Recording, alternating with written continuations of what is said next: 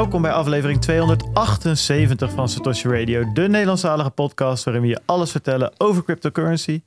Ik ben Bart Mol en zoals elke week ben ik hier weer met Bert en Peter Slachter. Goedemorgen heren. Goedemorgen. Good morning. Daar zijn ze.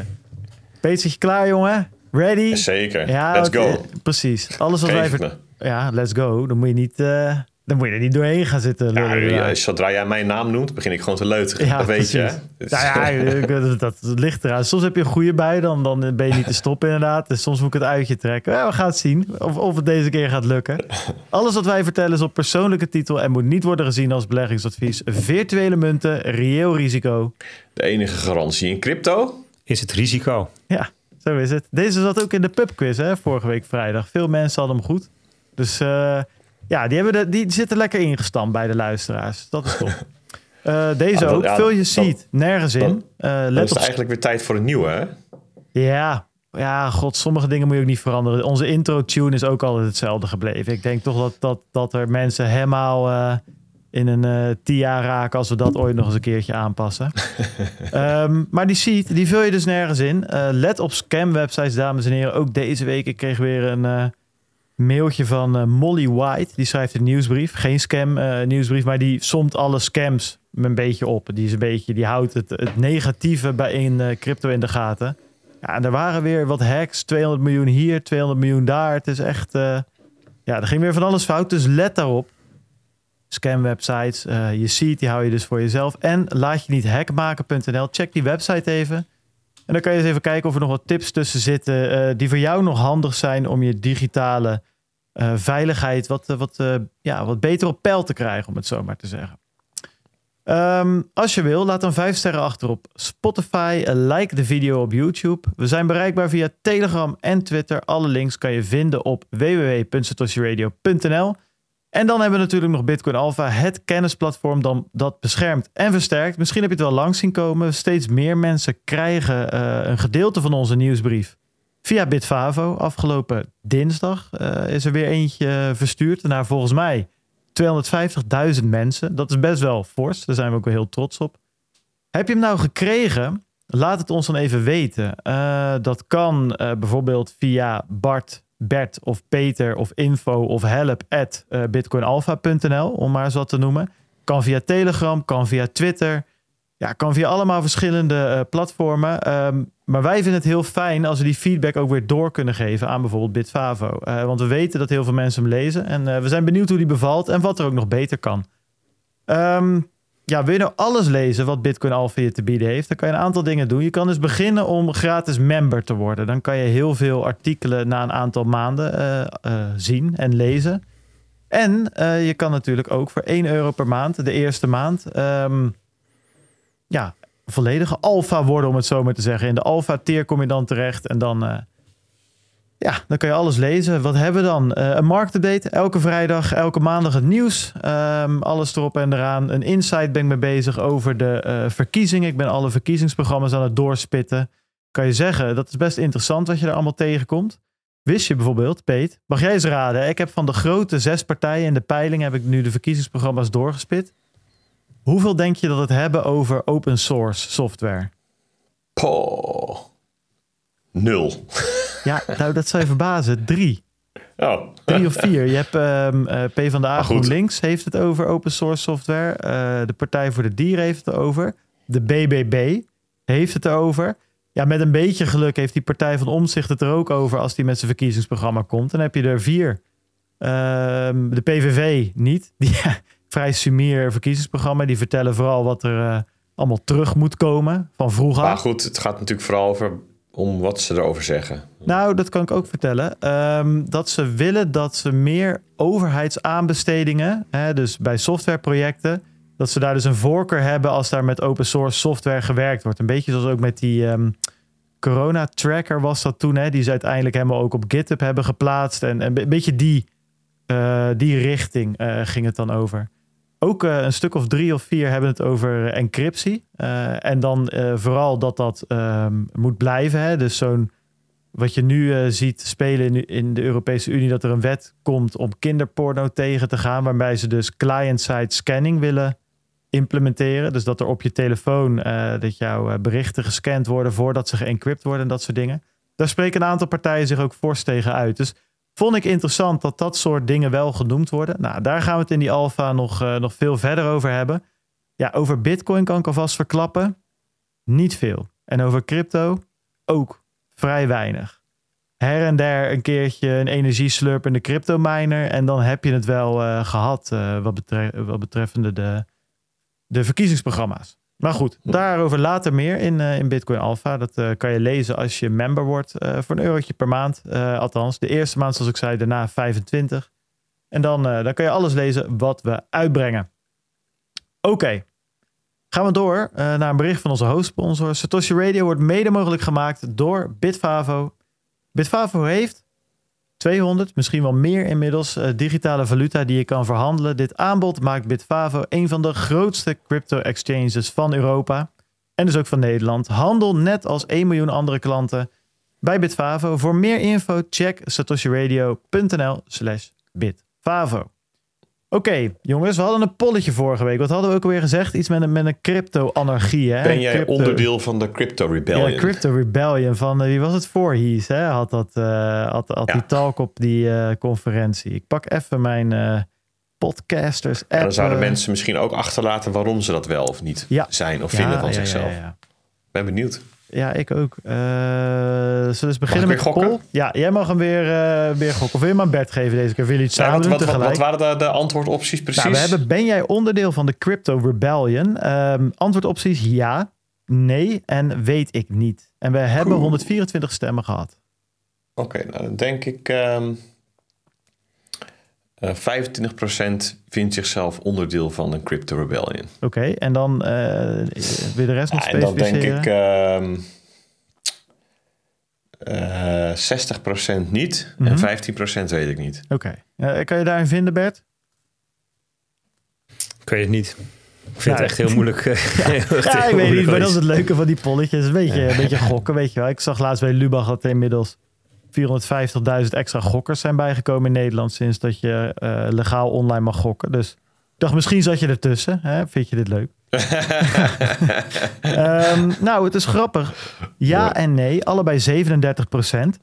En weet ik niet 26 procent. Het is best wel uh, goed verdeeld eigenlijk. Uh, eigenlijk alles een derde, pak een beet. Um, ja, ben jij onderdeel van de Crypto Rebellion, Peet? Poh. Nee, ik ben geen rebel. Ja, ik, ik, ik heb hier ook wel over nagedacht. Ik, ik vind mezelf ook niet echt onderdeel van een re rebellion. Um, ik zie dat toch meer in, uh, in harmonie allemaal met elkaar bestaan of zo. Maar ja, goed, wie weet. Nou, misschien ben ik geen onderdeel van de rebellion, omdat, omdat ja, weet je, je bent ook geen onderdeel van het verzet als er geen oorlog is of zo. Ik zie die oorlog nog niet echt hier in Nederland. Wie weet komt dat ooit. Ik hoop het niet. Maar ja, ik vind het een beetje, hoe, ja welk verzet dan? Um, het is toch een beetje... Ja, ik, er zijn wel thema's die ook, ook uh, crypto raken, waar ik uh, verzet energie van krijg. Ja. En zoiets als dat, uh, dat wetsvoorstel over, waar jij het net over had. Mhm. Hè, dat ze, hoe heet dat wetsvoorstel nou in de volksmond? Ja, de, heeft... ik zag er wat over langskomen in de chat ook. Um... Hoe heet het nou ook alweer? Het chat control voorstel. Ja. Ah ja, chat control. Ik bedoel, dat wetsvoorstel is al twee keer weggestemd hè? Ja. in de Tweede Kamer. Uh, de, de minister van Justitie gaat gewoon door of zo. Van, nou ja, nou, jullie zeggen nee, nou gaan we nog een keer. Net zo lang tot hij... Wel, ik, ik vind het zo'n bizar wetsvoorstel. Met, met, goed, ik ga er niet helemaal op in. Maar, hè, want dan, gaat, dan komen op het thema niks te verbergen en zo. Mhm, en ja, ja. Nou, daar kun je een heel, hele boom over opzetten. Um, maar privacy en surveillance bijvoorbeeld, ja, daar, daar, daar, daar zit bij mij wel um, daar een aantal snaren waar ik verzet. Als je, als je die aan, aantikt, dan uh, komt de, de rebel wel een beetje los in mij. Ja. Maar ik ben niet echt een rebel of zo, van, Nee. gewoon in het geheel. Ik, ik, ik, ja, ik zou niet zo snel op de A12 gaan zitten bijvoorbeeld. Ook niet voor die encryptie. Ja, weet ik niet. Ja, dus ja, dat vind ik dus ook lastig. Ik voel het. Maar ja, misschien eh, zijn we kikkers of zo en hebben we niet door dat de pot al flink aan het koken is. Eh, trouwens, wist jij dat kikkers gewoon wel uit eh, potten met kokend water springen? Die blijven helemaal niet zitten. Maar goed, ja, Klopt. Weet je, ehm, vogels die, die vliegen ook niet met z'n tienen in de lucht terwijl je de een in de hand hebt. Dus ik snap, laat het spreekwoord even aanhouden. Maar ja, wie weet moeten we wel nu in verzet komen tegen dat soort dingen. En hebben zoiets van, nou, het is nog niet zo erg of zo. Ik vind, dat, ik vind dit wel best wel een lastige eigenlijk. Ik zou mezelf op dit moment niet een verzetse held eh, noemen of zo. Ook omdat er zo weinig op het spel staat. Als je in het verzet gaat, dan... eh, ja, in de oorlog is het natuurlijk, zet, je- zet je je leven op het spel. En ik vind, ja, wat zetten we nu op het spel in Nederland? Ik bedoel, je kan gewoon bitcoin kopen, je kan het aanhouden. Je mag gewoon YouTube-video's maken, podcastjes, meetups organiseren, conferenties. Ik bedoel, ik, ga niet de bak in als we die... Het is niet alsof we een soort van Veronica-achtige piratenpodcast moeten maken of zo. Kijk, ik weet ook niet precies wat er onder rebellie, wat, wat we daaronder verstaan. Ja, een goede vraag. Kijk, kijk eh, ik bedoel, er zijn natuurlijk wel allerlei thema's waar ik warm van word en waar. eh, en, en dat uit zich in dat we erover vertellen in de podcast, of we er een boek over schrijven, of dat we langsgaan bij, eh, eh, bij media, bij redacties, Ja. bij eh, overheid, bij een toezichthouder om erover te vertellen. Niet, niet heel activistisch, maar wel natuurlijk met als doel om ervoor te zorgen dat wat er dan aan kennis is, dat dat klopt en dat het van verschillende kanten belicht is. Ehm, en dat eh, niet alleen de voor de hand liggende belangen behartigd worden, maar het geheel. En dat. Denk- dat Ja, ik wacht, ik, ik, wacht, ik wacht dat jullie... Het, eh, maak maar even af. Oh, het, het klonk helemaal niet als wachten dit. Nee, ik, ik zit al een tijdje te kijken van eindigt nu je zin of komt, is het toch een komma? Is het nou een punt of is het nog een komma? en nu leek het een punt en toen kwam er toch weer een N. Dus, Bert, Oh, zet, die, zet die vi- violent rebellion, gooi hem erin. Ja. Ja, je maar ik, ik, ik denk dus dat dat rebellie zich op die manier bij mij uit. Hm. En ik weet niet precies wat er moet gebeuren om op het punt te komen dat ik de straat op ga of zo. Of, of wegen ga blokkeren. Of, eh, maar ja, het zou me niks verbazen dat dat er ook wel in zit.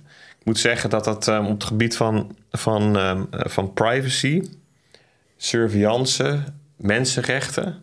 Ah, daar zitten wel een aantal van die knoppen. Dat het, dat het wel eens zou kunnen gebeuren. Maar ik vind het nog wel moeilijk te voorspellen bij mezelf... van wanneer dat dan, wanneer ik dat punt bereik.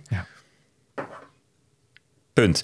Maar ik denk, dat, ik denk dat het een misvatting is dat rebellie zich alleen maar uit in fakkels en hooivorken.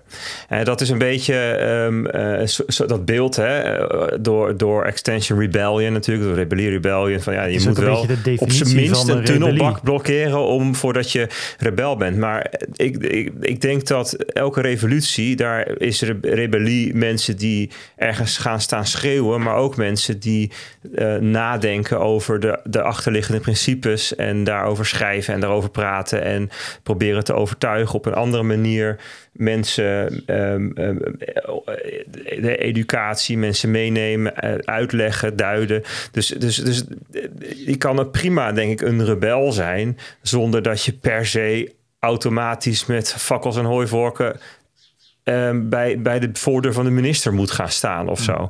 D- dat, ik bedoel, kijk, we hebben ook natuurlijk, het, het, zeg maar, die, even teruggaan in de geschiedenis van Bitcoin, hè, de cypherpunks.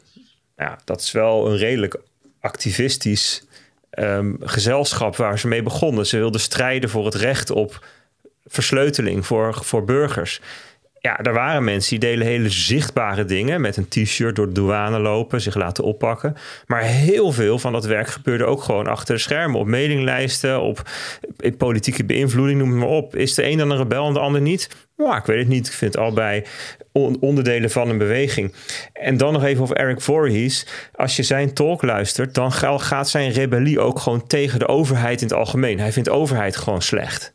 En hij vindt belasting betalen slecht. Hij vindt alle eh, Ja, overheid moet weg of klein. Of, en in die context, als je mij in die context vraagt, ben je een rebel? Zeg ik nee. Nee, ik, ik vind het best wel zinvol om met elkaar als land dingen centraal te organiseren. Niet alles, maar wel een, een deel van de dingen. Dus ik, ik, ik, ik herken me niet in de, in, in de rebellie van Eric Voorhees. Daarom, zou, daarom vind ik het heel moeilijk om te antwoorden op zo'n poll. Ben jij onderdeel van de Crypto Rebellion? Nou, niet van de Crypto Rebellion van Eric Voorhees, nee. Nee. Maar op zichzelf Ehm, de thema's die Peet net noemt bijvoorbeeld. Het recht, en het, ook het recht weer op soevereiniteit van de, van de burger. Ehm, ehm, het mogelijk maken dat je zelf je digitale bezittingen hebt. Dat je niet afhankelijk bent van een techbedrijf. Dat soort thema's. Ja, daar, daar ben ik denk ik wel onderdeel van de rebellion. Niet door per se een tunnelbak te bezetten of maar de tafel te lijmen of een schilderij te verkloten of met een fakkel ergens heen te gaan. Maar wel door te schrijven en te praten en te denken en uit te leggen enzovoort. Vind ik wel. Dat is gewoon onderdeel van de rebellion. Ja. Oké. Ehm, we hebben ook wat luisteraars die gereageerd hebben. Dus even kijken hoor. Uh, er zit iemand in uh, die zegt: Ik zit erin voor als het systeem door zijn hoeven zakt. Um, oh ja, Peet. Dat is, ik zie iemand hier die zegt: Leuke aflevering, heren. Zelf 21 jaar oud en zeker wel opgegroeid met Bassie en Adriaan. Dus dan weet je dat ook even. Oh. Um, ah, dat is toch al wat ouder dan onze kinderen hoor. Ja, oké, okay, dat, dat, dat, is waar. Um, ik zit er om twee zaken in, zegt Remco. Uh, veiligheid tegen het huidige Fiat-systeem en om te investeren. Uh, even kijken hoor.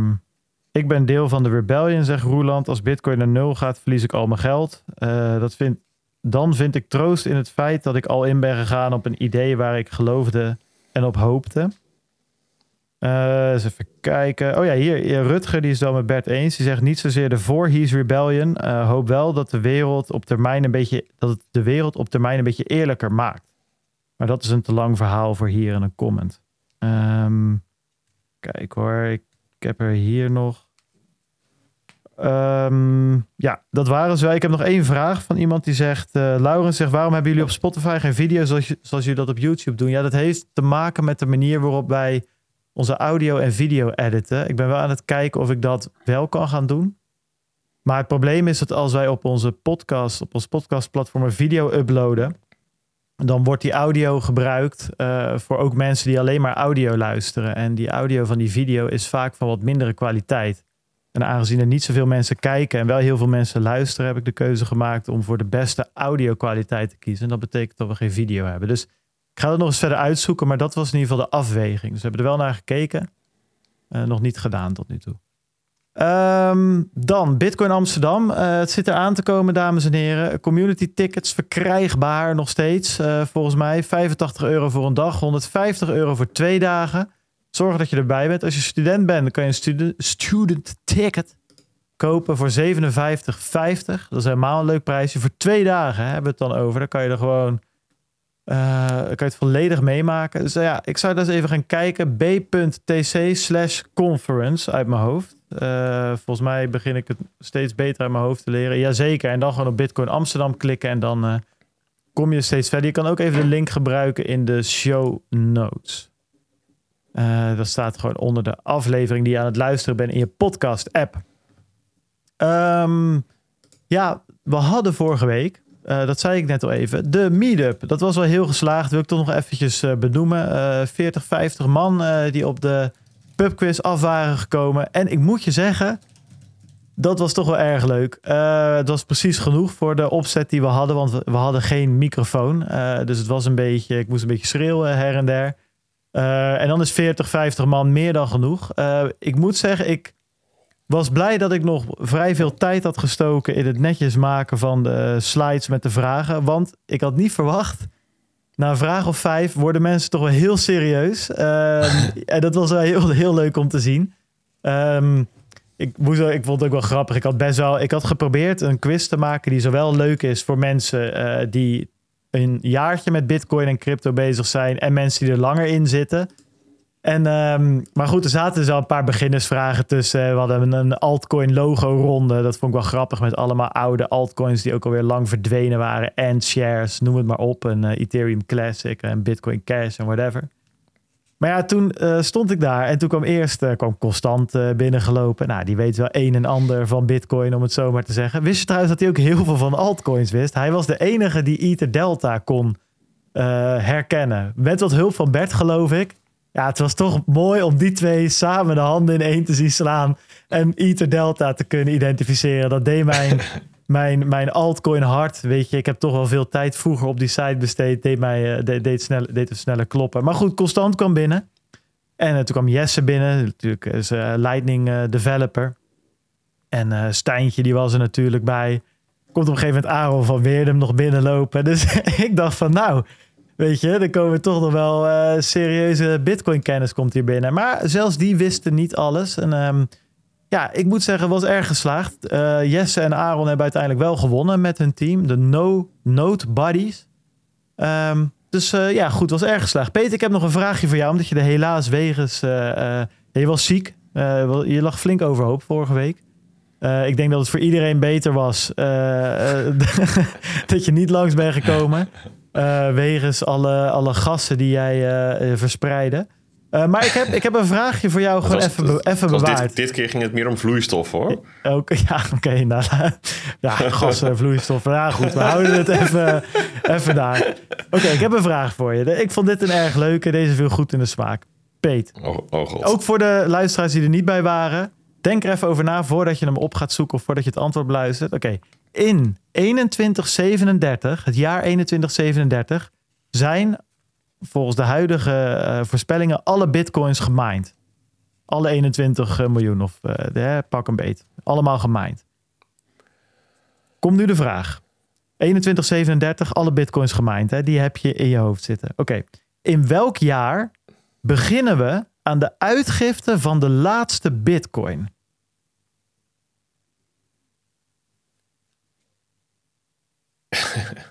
Dus hè, in welk jaar in, in, zijn... in 2137. Nee, natuurlijk niet. Zo niet. Nee, eh, nee, dat is niet waar. dat is fout, in ieder geval. als, als in dat jaar de laatste bitcoin wordt uitgegeven, dan Ja, maar dan beginnen we niet aan de uitgifte van de laatste bitcoin. Daar beginnen we al veel eerder aan. Hoe bedoel je? Bedoel je de, de laatste halvingperiode? Nee. Ah, dan moet je even uitleggen. Oké, nou ja, eh, het antwoord is ook, dames en heren, voor jullie thuis. eh, als je nog niet weet, zet hem even op pauze. Denk er even na. Wanneer beginnen we aan de laatste uitgifte van Bitcoin? Ja, dat is in het jaar 2104. Dus we doen er pak een beetje 33 jaar over eh, om die laatste Bitcoin volledig op de markt te brengen.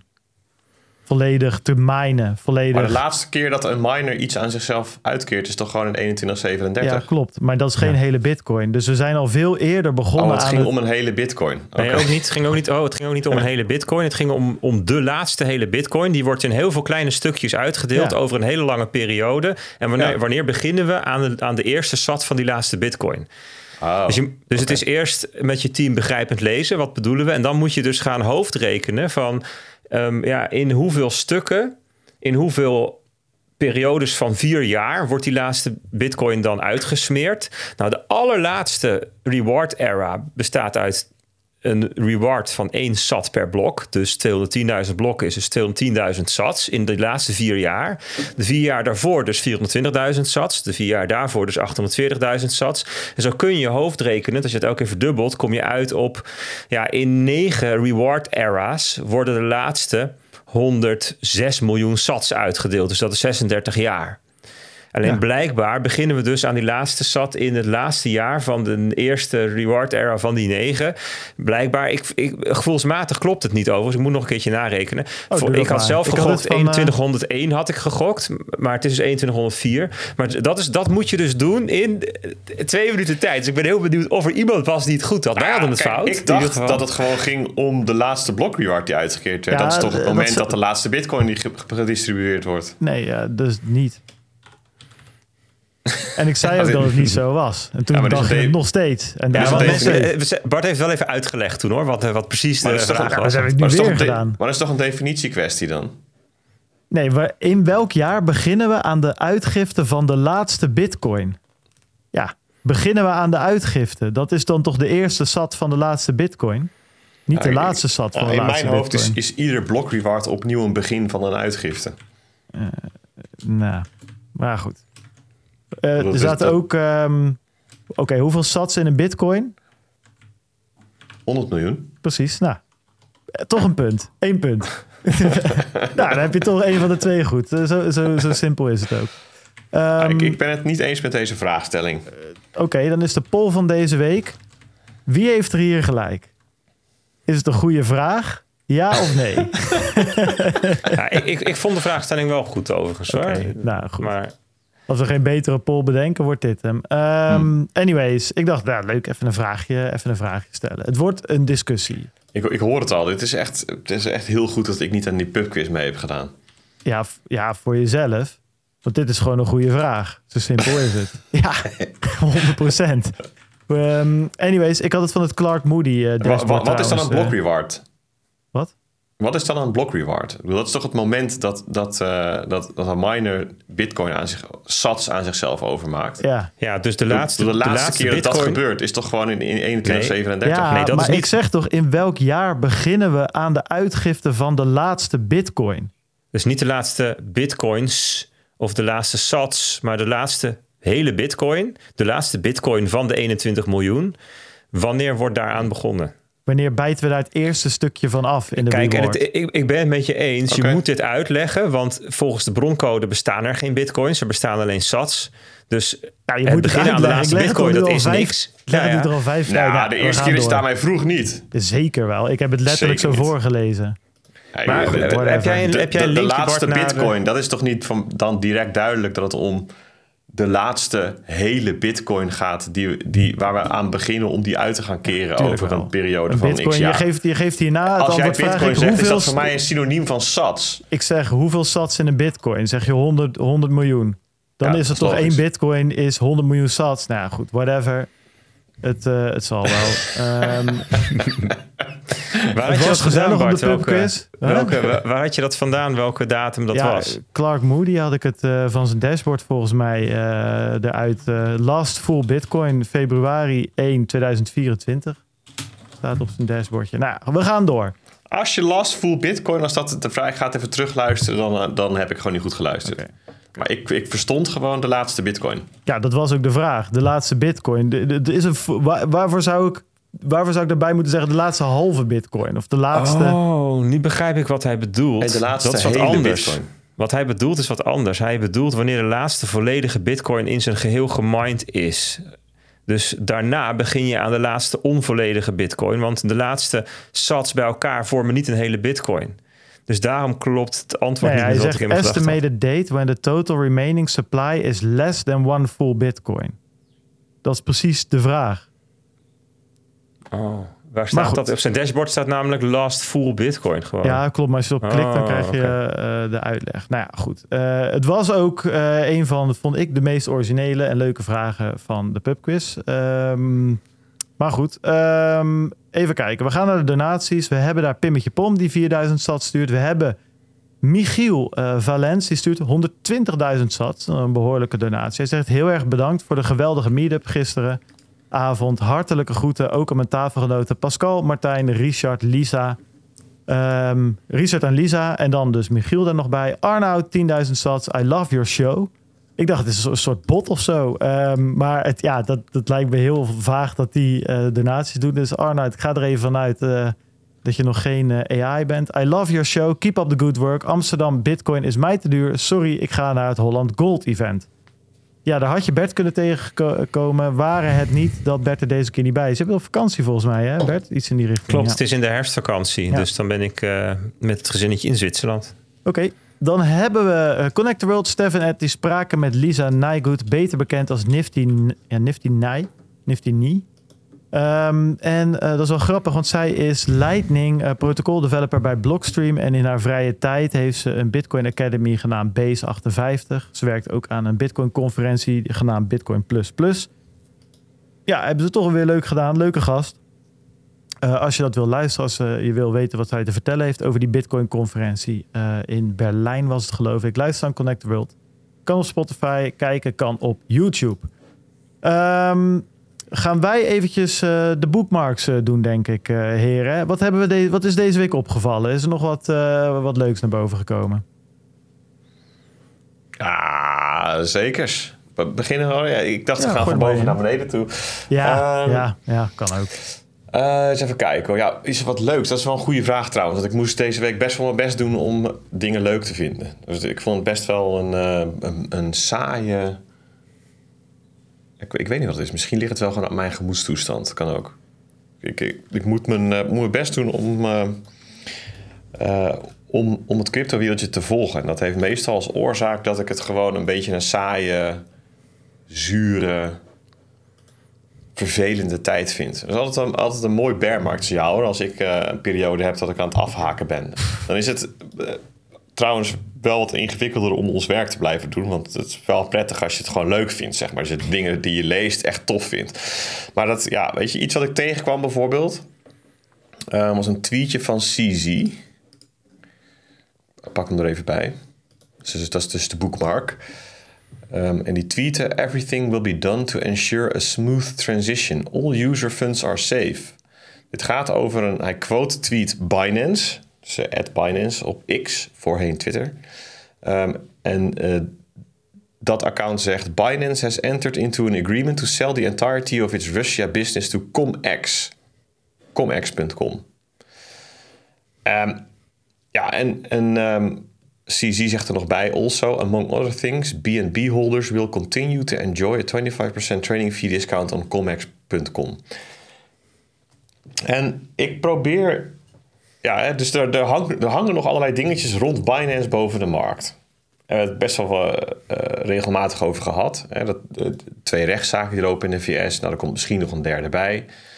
Misschien dat het een strafzaak wordt, wel of niet, dat weten we niet.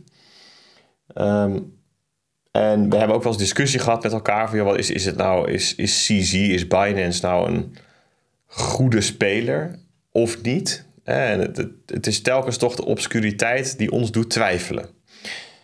En dan geven we het ook wel eens uh, het geheel gewoon het voordeel van de twijfel. En, maar, maar, toch krijg je telkens van die signaaltjes die, ja, laten we zeggen, um, het er niet transparanter op maken of zo. En da daar is dit dan ook weer onderdeel van. Dus de spin is natuurlijk van, um, van Binance... ja, we hebben nu een nieuwe compliance methodiek. We zijn super gereguleerd. gereguleerd. Um, en daarom nemen wij afscheid van onze Russische klanten... want dat past niet meer bij die uh, nieuwe compliance strategie van ons. Ik zag um, de kerstverse CMO hier ook wat over schrijven op Twitter. Van nee, wij zijn de meest gereguleerde bedrijf, uh, cryptobedrijf ter wereld. Nou, misschien bedoelt ze dat ze um, de meeste obscure registraties hebben van alle cryptobedrijven. Maar ik denk dat wel iedereen wel weet van oké, nou, okay, je bent marketeer, maar kraam alsjeblieft niet zoveel onzin uit. Um, en dan dit, weet je. We vertrekken uit Rusland uh, en we hebben een deal gesloten met ComEx. Dan kijken naar ComEx. Dat is dan een exchange die twee dagen geleden opgericht is. Echt, de domeinnaam is ook echt, echt pas weer tot leven gekomen. Comex was in 20, 2002 of zo was het nog een bedrijf. Heel lang niks. Nu is het weer iets. Ja, je ziet gewoon die exchange. Dat is de tech van Binance, weet je wel. Um, kennelijk heb je ook nog voordelen als je BNB bezit. Ja, weet je, het... het if it quacks like a duck, walks like a duck, talks like a duck. Weet je, ja, dit, is, het is zo. Het ligt er zo dik bovenop, weet je wel. En dan denk ik van ja, dat is toch. is toch jammer. Dus ik ben wel toe aan het moment dat we uh, als wereld iets meer um, feiten te weten gaan komen over wat, wat speelt daar nou allemaal achter de schermen. Wat is nou wel en wat is nou niet een dikke hondendrol? Wat moet er nou nog wel en wat moet er nou nog niet uit de markt gewassen worden?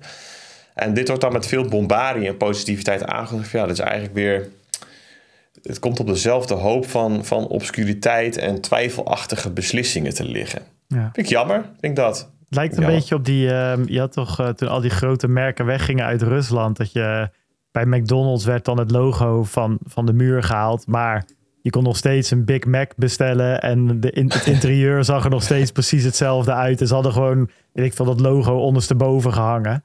Ja. Ik bedoel, McDonald's was wel weg, maar iemand anders had het overgenomen en die leverde precies dezelfde dienst. Daar lijkt het heel erg op. Als de privacy die, notice uh... van, van ComEx is gewoon een kopie van die van Binance, weet je wel. Ja, het is een beetje, beetje ja, het, doe, doe, doe dan in ieder geval je best of zo, denk ik dan. Maar het is, ik ja, vind het zo bijzonder. Ja. Um, nou, dus dat is een dingetje, daar, daar, dat was even mijn uh, verwondering en ook wel een beetje irritatie. Ja. Um, een boekmarkje. Het andere vond ik wel geiniger eigenlijk.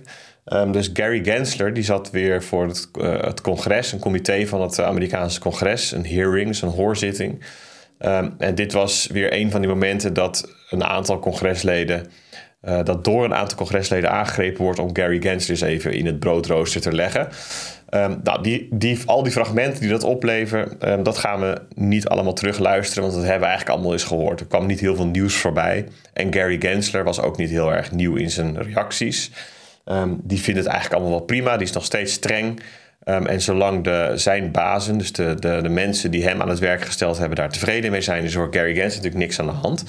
Uh, maar een van de, van de opmerkingen van een van de uh, congresleden die hem ondervraagde, die vond ik wel uh, opvallend.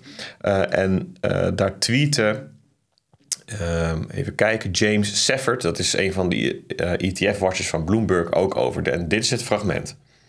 Mr. Chairman, I, I, I, really liked your colorful Uh, testimony. Uh, and you're right, we are blessed with the largest, most sophisticated, most innovative capital markets in the world. But we cannot take this for granted. Even a gold medalist must keep training. With all due respect, Mr. Chairman, if the U.S. capital markets are a gold medalist, you are the Tanya Harding of securities regulation because you are kneecapping the U.S. capital markets with the avalanche of red tape coming out of your commission. You are the Tonya Harding of, of regulators.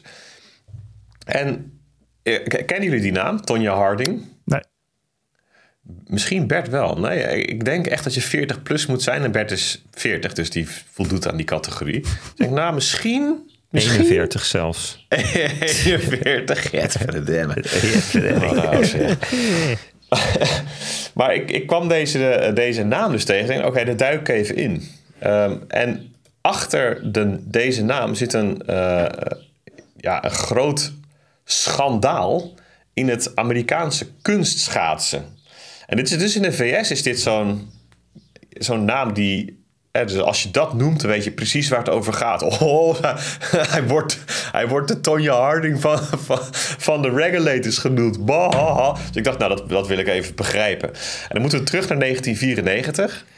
Um, en uh, Tonya Harding, dat is uh, een, uh, talentvolle kunstschaatser in die tijd.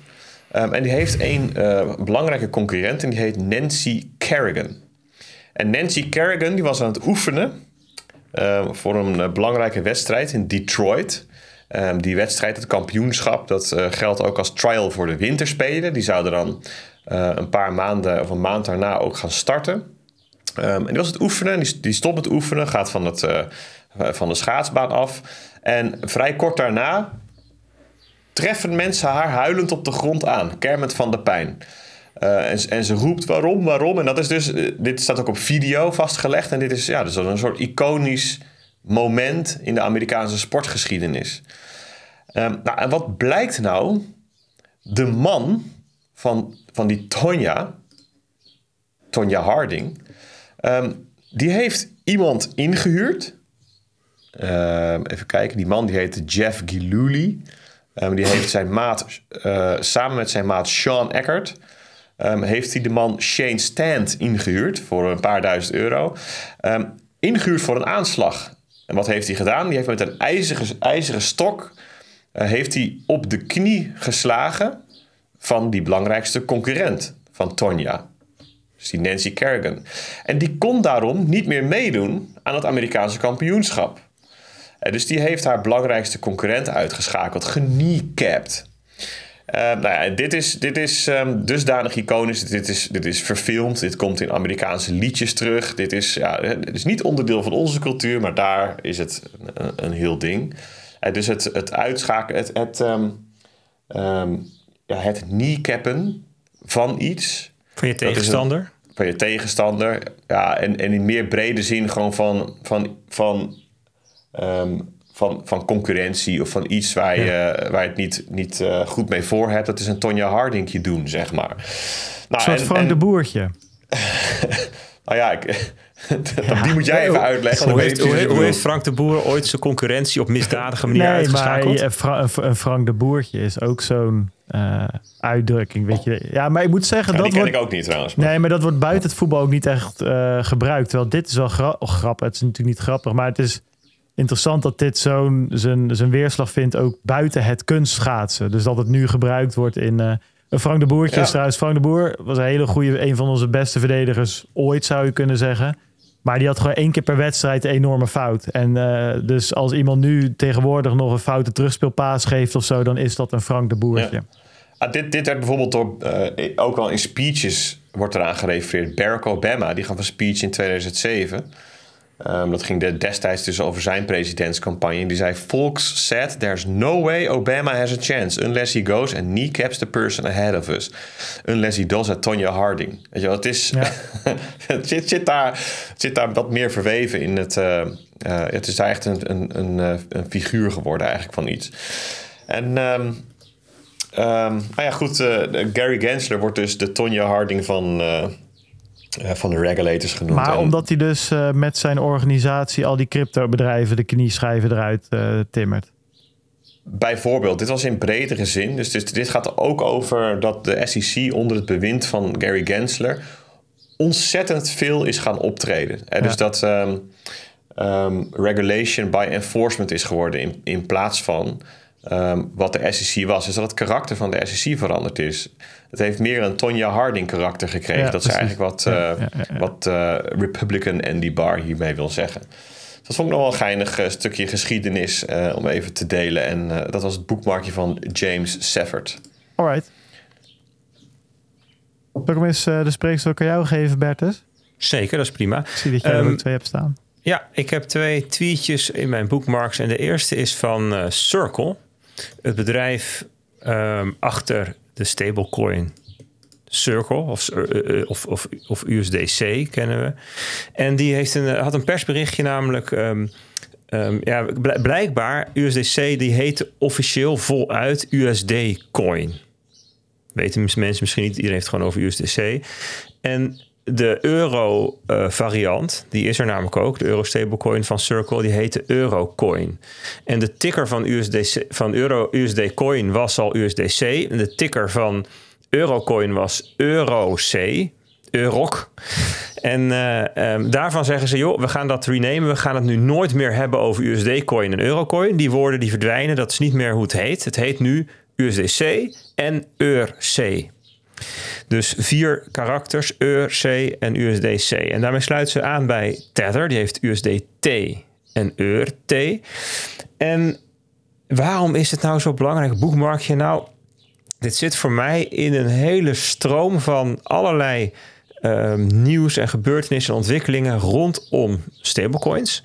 Waarbij um, ja, die, die stablecoin markt of de stablecoin technologie um, in hele snelle, in rap tempo uh, volwassen wordt gemaakt of geschikt wordt gemaakt voor ja, zeg maar breder gebruik dan alleen maar in de crypto um, trading wereld. Want dat is natuurlijk waar het van oors oorspronkelijk vandaan komt. Hè. Tether is ooit, hè, USDT is ooit bedacht om een uh, een handelspaard te kunnen maken zonder echte dollars. Hè, de, de, fysieke dollars, want dat is natuurlijk lastig. Moet je met een bank, moet je overboeken, moet je wachten.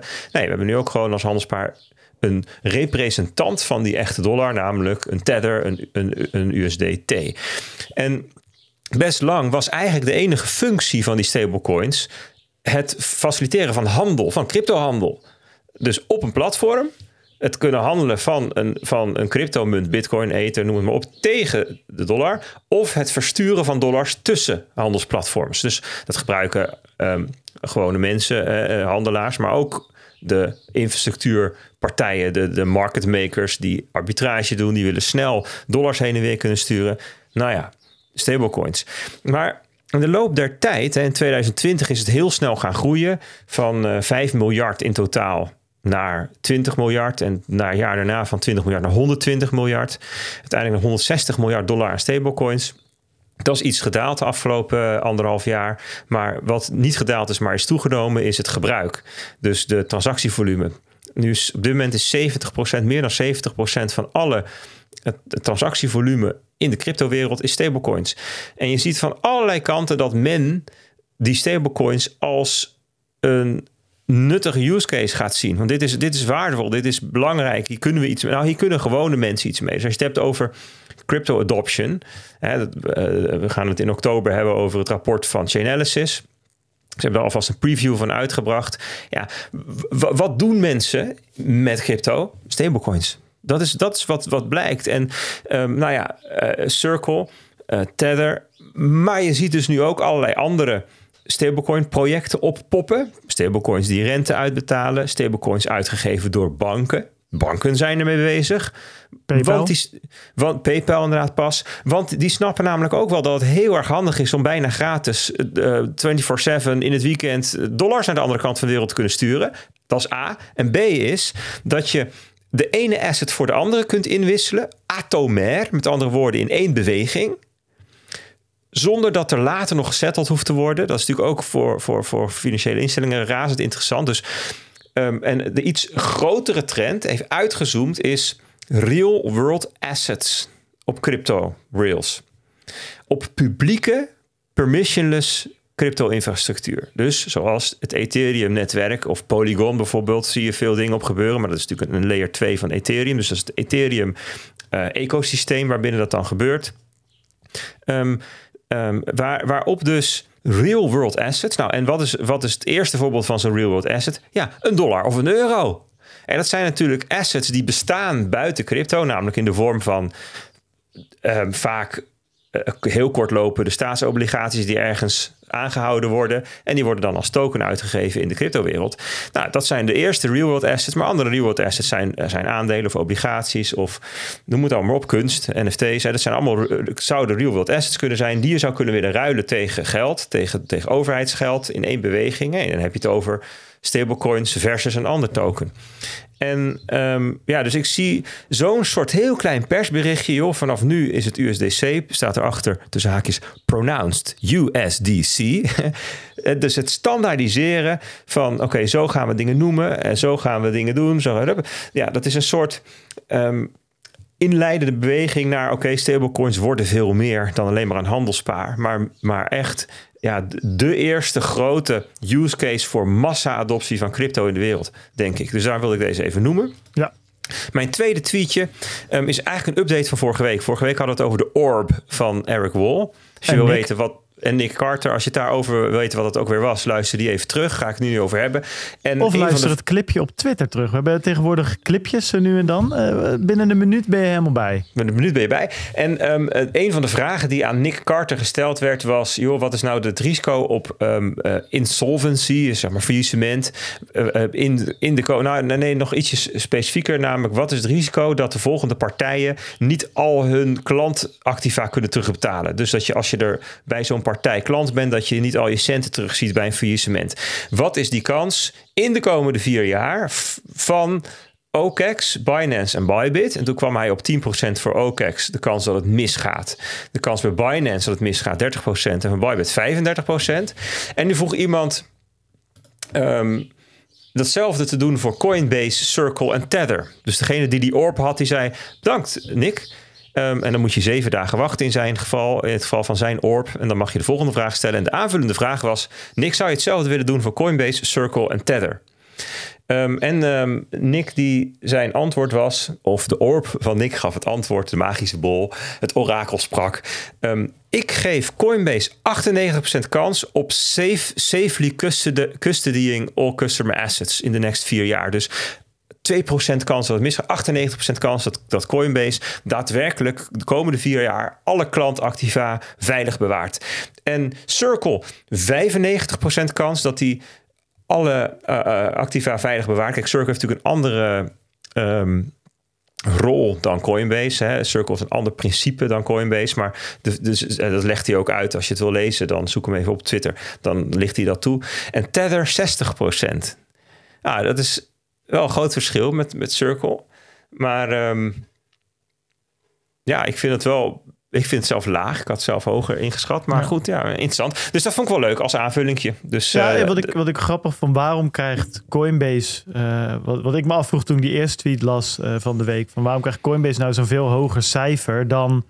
wat hadden we vorige week? Binance en wat hadden we nog meer? OKEx ja, Bybit, volgens mij. Bybit dus, Bybit. Um, dus, dus 65% kans dat ze het goed doen en ja. Coinbase 98% kans. Ja, precies. Maar. En het grote verschil, en daar hadden we het vorige week ook over. Ja, kijk, Coinbase um, ja, wordt dus wel uh, hun proof of reserves, om het zo maar te zeggen, wordt wel geaudit, gewoon in de vorm van hun balans. Uh, moet gewoon, zij moeten een jaarrekening openbaar maken, vallen onder SOX, uh, accountingregels, noem het hele za zaakje maar op. Ehm, dus het staat allemaal gewoon in hun jaarrekening. ja, dat is toch uiteindelijk denk ik wel de proof of reserve we naartoe moeten. Ja. Ehm, Overigens, die 2% die nog overblijft, die, Ja. die, die ehm, schrijft Nick Carter dan toe aan de kans dat ze gehackt worden. ja, Dus stel dat, eh, dat Coinbase gehackt wordt of zo, of dat er een, van een inside job is, waardoor er uiteindelijk klantactiva kwijtraken of, of dingen stuk gaan of whatever. Die kans, dat, is, dat zorgt dan voor het restrisico van 2%. Ja, precies. Oké, eh, ik heb er nog twee. Wil ik even kort eh, behandelen. Ehm, wat ik interessant vond, de mempool eh, raakte opeens deze week een stukje leger. Hij is niet gekleerd, bij lange na niet. Er zitten nog uh, van iets van 35 of 40.000 transacties. misschien nog wel meer in de... Nee, 40.000 ordinal transacties. En daarbovenop nog allemaal normale bitcoin transacties in de queue. As we speak, 228.000 ehm, onbevestigd. Maar dat is veel minder dan de afgelopen weken. Waarom is dat? Nou, er was een BRC20 mint aan de gang de afgelopen maanden. Namelijk die van Sats. En die wilde, weet ik veel, 21 miljoen of 210 miljoen of nou, ontiegelijk veel eh, BRC20 tokens waren daar te minten. 100.000 per mint. Nou ja, 10.000 of zo. Dus eh, het komt erop neer, ja, die is eindelijk volledig eh, gemint. Hè? Eh, dus al die BRC20 tokens eh, voor, dat, voor die sats eh, zijn uitgegeven. Nou, anyway, het betekent gewoon dat dat heel veel eh, druk van de ketel haalt. Namelijk voor mij iets van 10 of 15 procent of zo. Best wel fors. Ehm, dus daardoor is de fee-druk ietsjes omlaag gegaan. Iets anders wat ik tegenkwam deze week, we hadden het vorige week of daarvoor ook een beetje over Bitboy gehad. Bitboy Crypto, Ben Armstrong. Die is uit zijn eigen bedrijf gegooid een tijdje terug. En sindsdien is hij in een soort van self-destruct modus eh, gegaan. Het is een beetje eh, eh, ja, vreemd om te zien. Maar hij was live gegaan om zijn Lamborghini terug te halen. Want hij had een Lamborghini gekregen van zijn bedrijf. Maar dat bedrijf had zijn Lamborghini weer ingenomen toen ze hem eruit getrapt hebben. En die Lamborghini die scheen dus bij een van zijn oud-partners te staan. Dus hij ging daar naartoe om even verhaal te halen. En dat eindigde die livestream en dat hij opgepakt werd door de politie. Ja, en als ja, je moet er maar eens terugkijken. Het, het is een heel, heel vaag verhaal. Op een gegeven moment vraagt de politie of, of hij nog wapens in de auto had. Nou, dat had hij dan wel. En er zat ook nog iemand in de auto. En dat wou hij dan niet zeggen wie. Maar dat breekt dan, eh, eh, of dat was dan de vrouw waarmee hij een affaire had. Het, het, het, ging echt van, van kwaad tot erger. En eh, ja, goed, het was heel vaag. Nou, hij is opgepakt. Hij is inmiddels weer vrij. Maar ehm, ja, met Ben Armstrong ja, gaat, het niet, gaat het niet heel goed. Maar ja, ehm, het, eh, het, ja het, het was een soort van ultiem dieptepunt eh, in, eh, in deze saga. En zit jij in het kamp lekker voor hem karma? Of zit je in het kamp wat zielig voor hem? Ja, is- ik zit in het kamp daartussen of zo. Ik vind het niet zielig. Ik vind het ook niet lekker voor hem. Ik weet niet precies wat ik ervan vind. Kijk, ik vind dat hij een hele slechte invloed heeft gehad op eh, de cryptowereld. Vind dat hij eigenlijk niks heeft bijgedragen. Ik zag Udi Wertheimer tweeten dat hij meer mensen naar Bitcoin heeft gebracht dan alle Bitcoin-podcasters bij elkaar. Ja, hij had een groot bereik. Dat ben ik wel met je eens. Alleen dat bereik had hij wel gekregen door mensen op te lichten. eh, zich te laten betalen door projecten en die dan te chillen. En eh, weet je, ik, ja, ik vind een hele slechte invloed. En dat hij uiteindelijk veel mensen met crypto in contact heeft gebracht. Ja, dat, ik vind dit niet de manier. Dan maar minder mensen in contact met crypto heb ik zoiets. Weet je, dat is ook nog gewoon een optie die Oedi hier niet noemt. Dus, eh, maar goed, om, hij, hij Wat schijnt... ik vooral ingewikkeld vind, is dat er toch ontzettend veel mensen zijn die dan naar zo'n filmpje kijken van Ben Armstrong in het verleden en, hem, en dachten van nou, het is een goed idee om hem serieus te nemen. Ja, Om te doen wat hij aanraadt, om onderdeel te zijn van wat hij maakt, wat hij bouwt, om dat, om dat te kopen, om, om, om dat te verkondigen. ja. Ik, ja, ik vind dat. Het is niet dat ik het eh, dom vind of zo, of, of mensen die het doen dis, wil disqualificeren. Ik vind het gewoon letterlijk wat ik zeg, zo ontzettend moeilijk om daarin in te leven. Ja, nee, eens. Ja, als Hoe je op een dat, gegeven eh, moment een groot eh, following hebt en, en een beetje een track record of zo, of dat je kan zien van, joh, die gozer maakt al vier jaar video's, dan misschien is dat voor nieuwkomers genoeg dan om hem, om hem ehm, te vertrouwen. Ja, anyway, het is gewoon, verve- hij schijnt er nogal een drugsprobleem te hebben. En ja, weet je, eh, ja, dat gun ik niemand. Weet je, het is, nou niet echt eh, dat Nee. ik denk van, nou, lachen, weet je. Sneu, ik vind het vooral sneu. Ehm, maar goed, dit was wel zo. zo over de top allemaal, weet je, dat hij dat die even verhaal gaat halen en dan gearresteerd wordt met zijn, met, met, met zijn lover in zijn busje, weet je, wat ik wel dacht van ja, dit verzin je ook weer. Tijdens een livestream. ja, precies. Dat vond ik dan nog wel een soort van grappig in zijn absurditeit. Ehm, Oké, hebben we dat gehad. Voordat we naar de marktupdate gaan, wil ik eventjes onze sponsoren bedanken. Eh, dat zijn Anycoin Direct, Watson Law, Coinmers, Amdax, Finst, Finst moet ik zeggen. En onze hoofdsponsor Bitfavo. Alright, Bert, vorige week weet ik nog, we namen natuurlijk een dagje eerder op. Toen hadden we een meetingje die we net eigenlijk niet mee konden nemen, maar wel graag mee hadden willen nemen. Hebben we daar wat gemist uiteindelijk? Je, of viel je slaat wel wat dingen over trouwens, hè, qua donaties en... en eh, Nee, Connect. jij luistert gewoon niet naar mij, denk Oh, ik. Oké, nou dat zal Net als bij die vraag. Nee, de donaties heb ik allemaal gehad. Eh, en de Connector World heb ik allemaal netjes verteld over Base 58 Academy en de Bitcoin Plus Plus. Nee, dat, het gaat goed. Maar er zit inderdaad wel een beetje gekke volgorde in. Maar ik denk. Ja, oké. dat- vorige week was ik namelijk dus die, die, eh, ehm, die, van die waren we in de uitzending hadden we de, ad, eh, de, de ads niet gedaan. En die heb ik dus in de edit nog even ingesproken. Dus ik dacht, ik doe ze nu even 55 minuutjes, net voor de marktupdate. Dat is perfect. Eh, maar Bert, dus die FOMC-meeting was dat, geloof ik. Hè? Eh, moeten we daar nog iets aan eh, aandacht aan besteden? Of zeg je van, nou, ik heb wat anders in petto? Nou, daar wilde ik het eigenlijk wel over hebben. Ja, En dat- precies. dat komt. Ja, ik, nou, ik dacht eigenlijk van nou, laten we maar skippen deze keer. Want ja, weet je, er was natuurlijk ook gewoon geen renteverhoging of verlaging. Het was gewoon meer van hetzelfde. Eh, Dat was eigenlijk de, de, de eerste, de, de krantenkop, zeg maar. Alleen deze week gebeurden er gekke dingen op de financiële markten. En denk je, ja, als we het daarover willen hebben, moeten we eigenlijk toch even terug naar Jerome Powell. Ehm, alleen ik zie ook dat we inmiddels bijna een uur bezig zijn. Dus ik zit even te denken. Hoeveel tijd moeten we hiervoor moeten we Jerome Powell gunnen? hoe, lang moeten we, hoe uitgebreid moeten we het over hem hebben? Dat, dat vraag ik Ja, even. doe, een goede dat- inschatting, weet je. Ik bedoel, de nieuwtjes die we nog hebben, die, die zijn redelijk behapbaar. Dus, Ik zeg ehm, eh 20 minuutjes. Dan moet ik namelijk even wat dingen skippen. Dus dan moet ik even kijken wat ik ga skippen. En die dingen die kan je dan morgen praten. wel in de, in de, in nee, de want het heeft al in de markt gestaan. Oh joh. Als je- Ja, dus afgelopen vrijdag ging de markets hierover.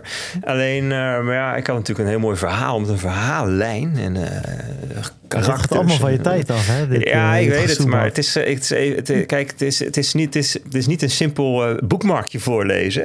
Dit is een hele... Wordt is, onze eh, bijdrage even gereduceerd tot nee, ik- kinderspel, Peet. Ja, goed, Peet zelf die net- heeft allemaal kunstschaatsers uitlopen zoeken. Ja, en dan nee, ga jij... Sure. Boekmakje, boekmakje. Ja, ik had zelf boekmakjes. Hè. Het ging, eh, Ja, het was, nee, dat is waar. Ja. Dit wordt niet meer goed. Dit komt niet meer goed, jongens. Ehm, ja, wat gaan we eens doen? Even kijken. Ehm, ik heb hier een artikel van Bloomberg voor mijn neus. En die zegt... ehm, Yellen, Janet Yellen, dat is namelijk de minister van Financiën in de Verenigde Staten, heeft een, goed, een heel goed gevoel over een zachte landing van de Amerikaanse economie. Dat is de samenvatting van Bloomberg. Dat was namelijk een ehm, interview die zij gaf ehm, in het vliegtuig terug van de ehm, G20-top in New Delhi. Hebben we het eh, volgens mij toen ook over gehad, eh, omdat het daar ook over crypto ging ehm, in India. Op 10 september, dus ook alweer een tijdje terug. Maar toen, eh, toen sprak ze blijkbaar met Bloomberg.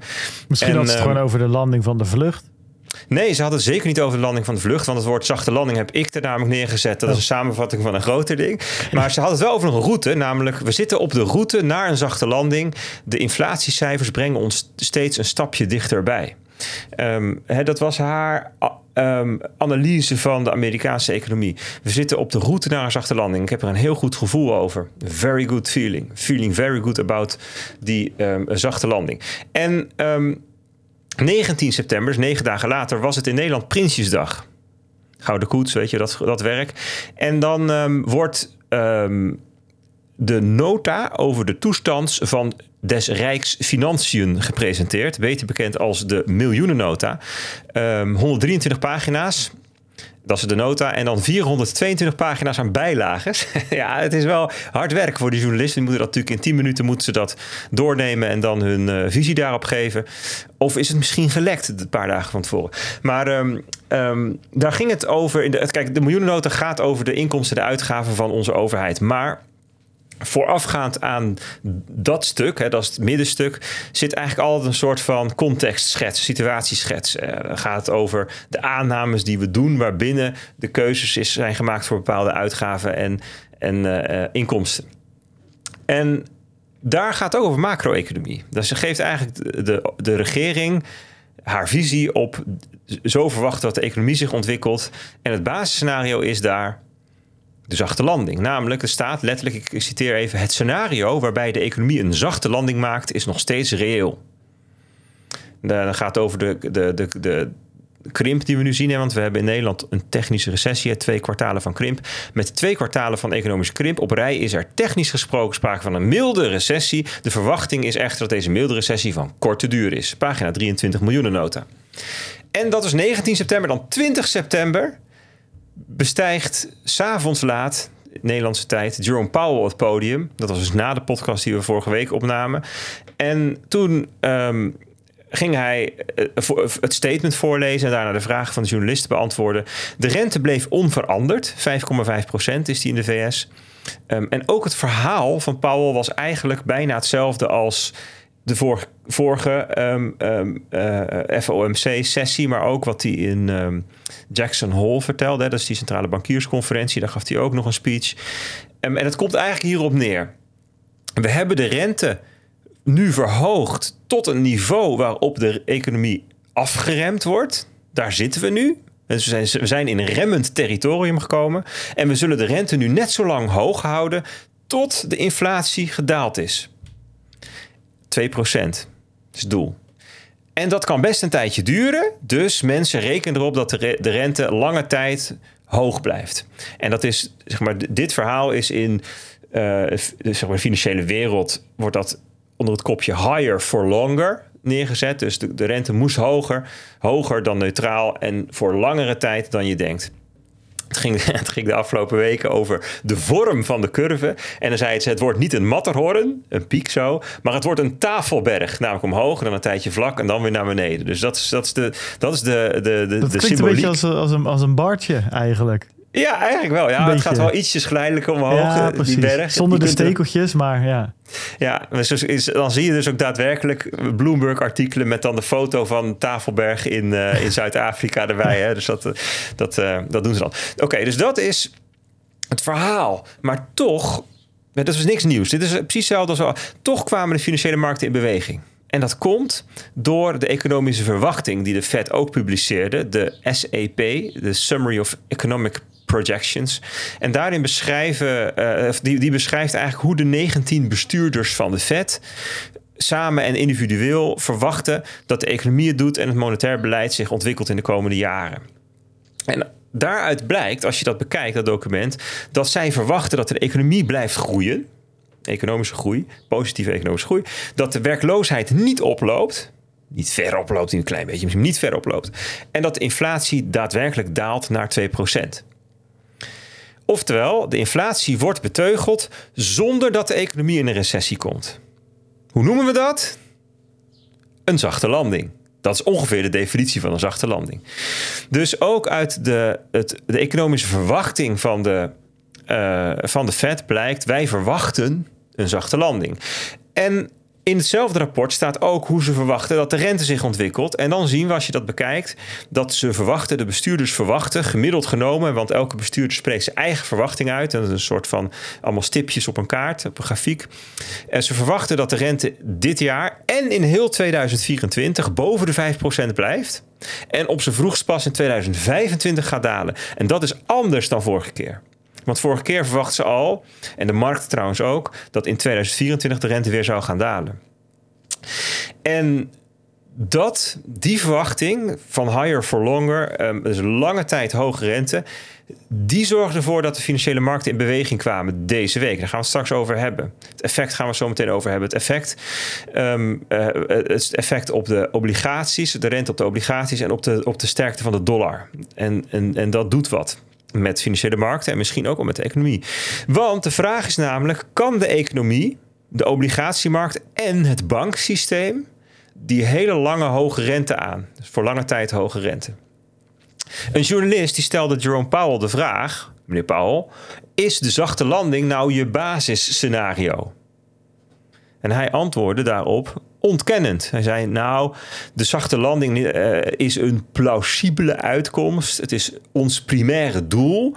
Maar het is niet ons basisscenario. Want daarvoor, zegt hij, is er te veel onzekerheid. Dus in de verwachting zeggen ze eigenlijk, ze beschrijven alles. Hè, het kwaakt, het waggelt, en, hè, het heeft een snavel. Maar eh, maar als je dan vraagt, joh, denk je dat het een eend? Zegt hij, nou, daarvoor is er te veel onzekerheid. Dus dat is eigenlijk wat er aan de hand is. Hij wil het niet uitspreken. Maar ja, weet je, uh, mevrouw Powell, of mevrouw Jellen, die spreekt het wel gewoon uit. Die zegt, joh, ik liggen op, op route naar een zachte landing. En de Nederlandse overheid zegt het ook gewoon in de miljoenennota.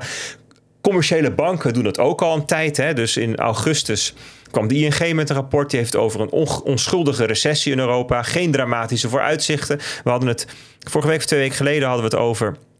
Um, die Global Fund Managers Survey van de Bank of America. 70% van de fondsmanagers die verwachten een zachte landing. Dus eigenlijk iedereen is er wel over, met elkaar over eens. Joh, de zachte landing is het basisscenario. Um, maar ja, punt is wel. Die commerciële banken die hebben gewoon spullen te verkopen. Die hebben een winkel vol met spullen. En die spullen zijn aandelen en zo, dingen waar ze geld mee verdienen. En je, je, je kunt weinig spullen verkopen als iedereen bang en somber is. Dus het is logisch dat commerciële banken zeggen: nee hoor, het komt helemaal goed met de economie. Het ziet er heel goed uit. Goede vooruitzichten. Koop mijn spullen, koop mijn spullen. En, en hetzelfde geldt een beetje voor um, um, uh, mensen die monetair beleid maken. Ja, die zeggen natuurlijk: nee hoor, nee, met, met ons plan gaat alles goed komen en gaat de economie groeien. En natuurlijk zeggen ze dat. Hè? En, en, en ook politici hebben dat belang. Um, want als ze zeggen, joh, is kans heel groot dat we in een diepe crisis komen, dan kunnen ze natuurlijk niet zomaar die, die inkomsten verwachten en zo. Want dan zijn de belastinginkomsten ook minder. Dus kun je al die mensen wel vertrouwen? Hè? Wat, wat moet je nou met hun mening? Want aan de andere kant zien we allerlei signalen dat het helemaal niet zo goed gaat met de economie. En is het maar heel erg de vraag of 5,5% rente of alle banken, verzekeraars, pensioenfondsen, bedrijven, huishoudens dat aankunnen.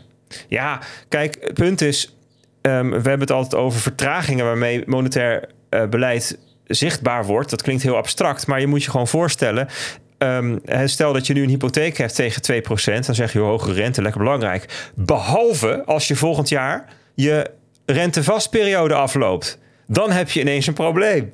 Want dan moet je ineens die, die 6 ton die je betaald hebt voor je huis... niet tegen 2%, maar tegen 6% of 5%. Weet ik veel wat in Nederland is. In Amerika is het de hypotheekrente nu... uh, opgezocht. Ja, Rond de eh, eh, vijf. twee- twee- rond de 5% In Amerika is nu 7,8 procent. 7,8 procent. Dus de laatste keer dat zo hoog was, was augustus 2000. Ja, weet dat wordt een, wordt een keer voor iemand een probleem. En dan daarvoor nog iemand en daarna voor nog iemand. Hetzelfde geldt voor creditcards. Hetzelfde geldt voor bedrijven die moeten herfinancieren. Hetzelfde geldt voor overheden. Ehm, nou, eh, de Amerikaanse overheid die gaat op 1 oktober in, in, in shutdown. Hè, misschien wel. Ja, het heeft ook weer te maken met uitgaven, inkomsten. Dingen beginnen te kraken en te piepen. Ehm, dus ja, harde landing heb je het dan over. Als dingen misgaan, heb je het over een harde landing. En, er, zijn best wel wat conjunctuurwatchers die zeggen: ja, ik zie in de data gewoon wel dat de economie aan het verslechteren is. En we zien het nog niet nu in de cijfers van economische groei en werkloosheid en faillissementen. Maar dat komt omdat dat, als het in die cijfers zit, is het al veel te laat. Hè, dat, dan zie je eigenlijk het moment dat de wegenwacht de auto wegsleept. Maar we, we, we zien nu eigenlijk ehm, dat ja, als we niet opletten, dat er een botsing gaat plaatsvinden. Dat is wat zij zeggen. Dan hebben ze het over een harde landing. Je zou kunnen zeggen dat elke harde landing begint met een zachte landing. Hè? Want dat is interessant. Ehm, eh, eh, als je eh, ehm, in de krantenberichten zoekt. En dat Bloomberg die heeft dat, had daar een grafiekje over. Ehm, op de tekst soft landing. Dan zie je bij elke grote crisis ook dat er voorafgaand aan die crisis eerst anderhalf jaar uitgebreid gepraat wordt over soft landing. En dus soft landing, soft landing, soft landing. En daarna crisis, crisis, crisis, crash, crash, crash. Hè? Dus elke harde landing, dat leek eerst een zachte landing te worden. En ehm, ehm, ja, het punt is dat andersom, het is niet zo dat als je een zachte landing ziet aankomen, dat dat per definitie altijd een harde landing wordt. Dus dat is weer niet zo. Hè. Dus het is niet zo dat elke zachte landing per definitie een harde landing wordt, maar elke harde landing was wel eerst een zachte landing. Dus dat, dat, is, dat, dat maakt het even lastig. Kijk, het punt is. ehm, wat maakt nou het verschil tussen hard en zacht? Hè? Kijk, dan moet je het hebben over wat is het doel van die hoge rente? Waarom hebben we die rente verhoogd? Het doel is dat er wat minder besteed wordt, dat er wat minder geïnvesteerd wordt, da- dat daardoor de vraag afneemt, dat daardoor de prijzen dalen en dat daardoor de inflatie daalt. Dat is wat we willen. Dat is het treintje waar Powell het al anderhalf jaar over heeft elke keer. Dat is het beoogde effect. Maar er zijn ook mogelijke bijwerkingen. Namelijk faillissementen, ontslagrondes, leningen die niet terugbetaald worden, beleggers die geld verliezen op obligaties, hè, want die zijn allemaal minder waard geworden als de rente stijgt, banken, pensioenfondsen die in probleem komen. Hè. Pensioenfonds was vorig jaar oktober in Engeland, banken was maart dit jaar in Amerika. Dat zijn de mogelijke bijwerkingen. En het idee van een zachte landing is dat je het beoogde effect bereikt zonder al te veel van die bijwerkingen. Dat is wat dokter Powell graag wil. Dat is zijn plan, zijn behandelplan. Dit is het beoogde effect en we minimaliseren die bijwerkingen. We- we- we- en, en als ze het allemaal hebben over zachte landing, dan zeggen ze dus: wij hebben er vertrouwen in dat het met die bijwerkingen wel meevalt. Alleen het probleem is dat die bijwerkingen, als ze zichtbaar worden, pas heel laat zichtbaar worden. Als in ze worden zichtbaar en dan zijn ze er ook meteen. En dan zijn ze ook niet meer zomaar te stoppen. En dus als de ontslagrondes komen en de faillissementen oplopen, dan kan je niet zomaar even de, de, de rem indrukken. En oh, nu is het klaar, weet je wel. Nee, dan, dan, dan gaat dat door. Die, die, die, die, dat is een soort versnellende beweging. Het zijn non-lineaire processen uit de categorie gradually, then suddenly. Nou, daar hebben we inmiddels ervaring mee, jongens. Hè? Dus dat zijn. En, ik las eh, van de week, we hebben natuurlijk ook wat, eh, in ieder geval in Nederland, ook wel dingen oplopen stapelen. Hè? Want ik zag in het FD op 26 september dat eh, uitgestelde belastingaanslagen uit coronatijd nu verstuurd gaan worden. Eh daar lees ik hier ook. Op korte termijn verwachten we 10.000 faillissementen, zegt Ralf van Dam van Geldfit Zakelijk. Ik weet Ja. niet hoeveel verstand hij ervan heeft, maar dat is wel... eh, Ja. En. En dan kan je weer zeggen, ja, maar dat zijn incidenten, want die hebben heel specifiek te maken met een incidentele gebeurtenis die niet nog, zo, nog een keer, laat ik zo zeggen, even in de taal. Kijk, het Ja. punt is, wat is nou het verschil tussen een non-lineair en een lineair proces? Dat een lineair proces is, zijn alle niet besmettelijke dingen. Dus als jouw buurman verdrinkt in het zwembad, dan is daarmee de kans niet groter geworden dat jij ook verdrinkt in het zwembad. Maar als jouw buurman ehm, ebola krijgt, dan is de kans wel groter geworden dat jij ook sterft aan ebola. Eh, dus dat is een beetje het probleem. Sommige dingen zijn besmettelijk, zal ik maar zeggen. Dus die, dat betekent dat er een achterliggende gemeenschappelijke oorzaak is waardoor dingen misgaan. En sommige dingen zijn niet besmettelijk. En zoiets als coronaschulden, die zijn niet meer besmettelijk. Hè. Dat is namelijk al gebeurd. En dat als die 10.000 mensen die belastingaanslag krijgen, dan is het niet zo dat over twee maanden nog miljoen mensen dat krijgen. Nou ja, als Terwijl- zij natuurlijk niet gaan dokken, omdat ze failliet zijn, dan, ja, dan, is, dan gaat daardoor niet een buurman ook failliet, zeg maar. Maar er zijn heel veel zij andere. een schuld aan een buurman hebben. Zijn Ja, natuurlijk- het gaat hier om belastingsschuld, hè? Ja, nee, maar het zijn bedrijven die mogelijk in de problemen Ja. komen omdat ze. Maar goed, ik, ik, Maar snap, ik snap je punt. maar- Ik, ik denk niet dat dit, in dit geval, denk ik, is mijn analyse dat dit niet voor een domino-effect zorgt. Mhm. Nee, Alleen het probleem is dat er heel veel andere, ehm, eh, eh, eh, zeg maar, structurele dingen zijn die dat die wel. Zeg maar zo'n soort 1, Ja. 2, 4, 8, 16 exponentieel groeiend probleem kunnen zijn. Hè? Omdat die op een bepaald moment de gehele economie raken. En dat is ook een beetje het punt. Als je naar dit soort individuele dingen gaat kijken, dan kun je er altijd wel voor- en tegenargumenten bij bedenken. Dat maakt het ook heel erg lastig. Ehm, in de Alpha Markets van vorige week heb ik helemaal uitgebreid beschreven hoe, ehm, wat de argumenten zijn voor het zachte landingsscenario en voor het harde landingsscenario. Hoe kan het nou dat met deze data dat je het zachte landingsscenario kunt onderbouwen en hoe zou je het, het harde eh, landingsscenario kunnen onderbouwen met dezelfde data? Eh, dat gaat dus om hoe leg je die data uit? Hoe, hoe ken je betekenis toe aan die data? Nou, als je dat wil lezen, moet je de Alpha Markets even Ja. lezen, want dat gaat voor, voor nu te ver. Ehm, nou, eh, dus, dus de vraag, de grote vraag is nu: wanneer gaan we bijwerkingen zien? Of misschien gaan we bijwerkingen zien? En zo ja, wanneer? En hoe heftig, hoe erg zijn ze? Is het uit de categorie van ja, het is vervelend, het jeukt een beetje? Of is het jeuk die op een gegeven moment eh, bultjes worden en dan sterven de ledematen af, zeg maar. Weet je, dat is een beetje, we weten dat niet. En als je de eerste bultjes ziet, weet je het ook nog niet. Hè, dus de werkloosheid is ietsjes gestegen. Ja, ja, wat betekent... Ja, ook dan weet je het nog niet. Weet je, dat is een heel spannende tijd eigenlijk. En nou, deze week, de afgelopen vier dagen, wat gebeurt er nu?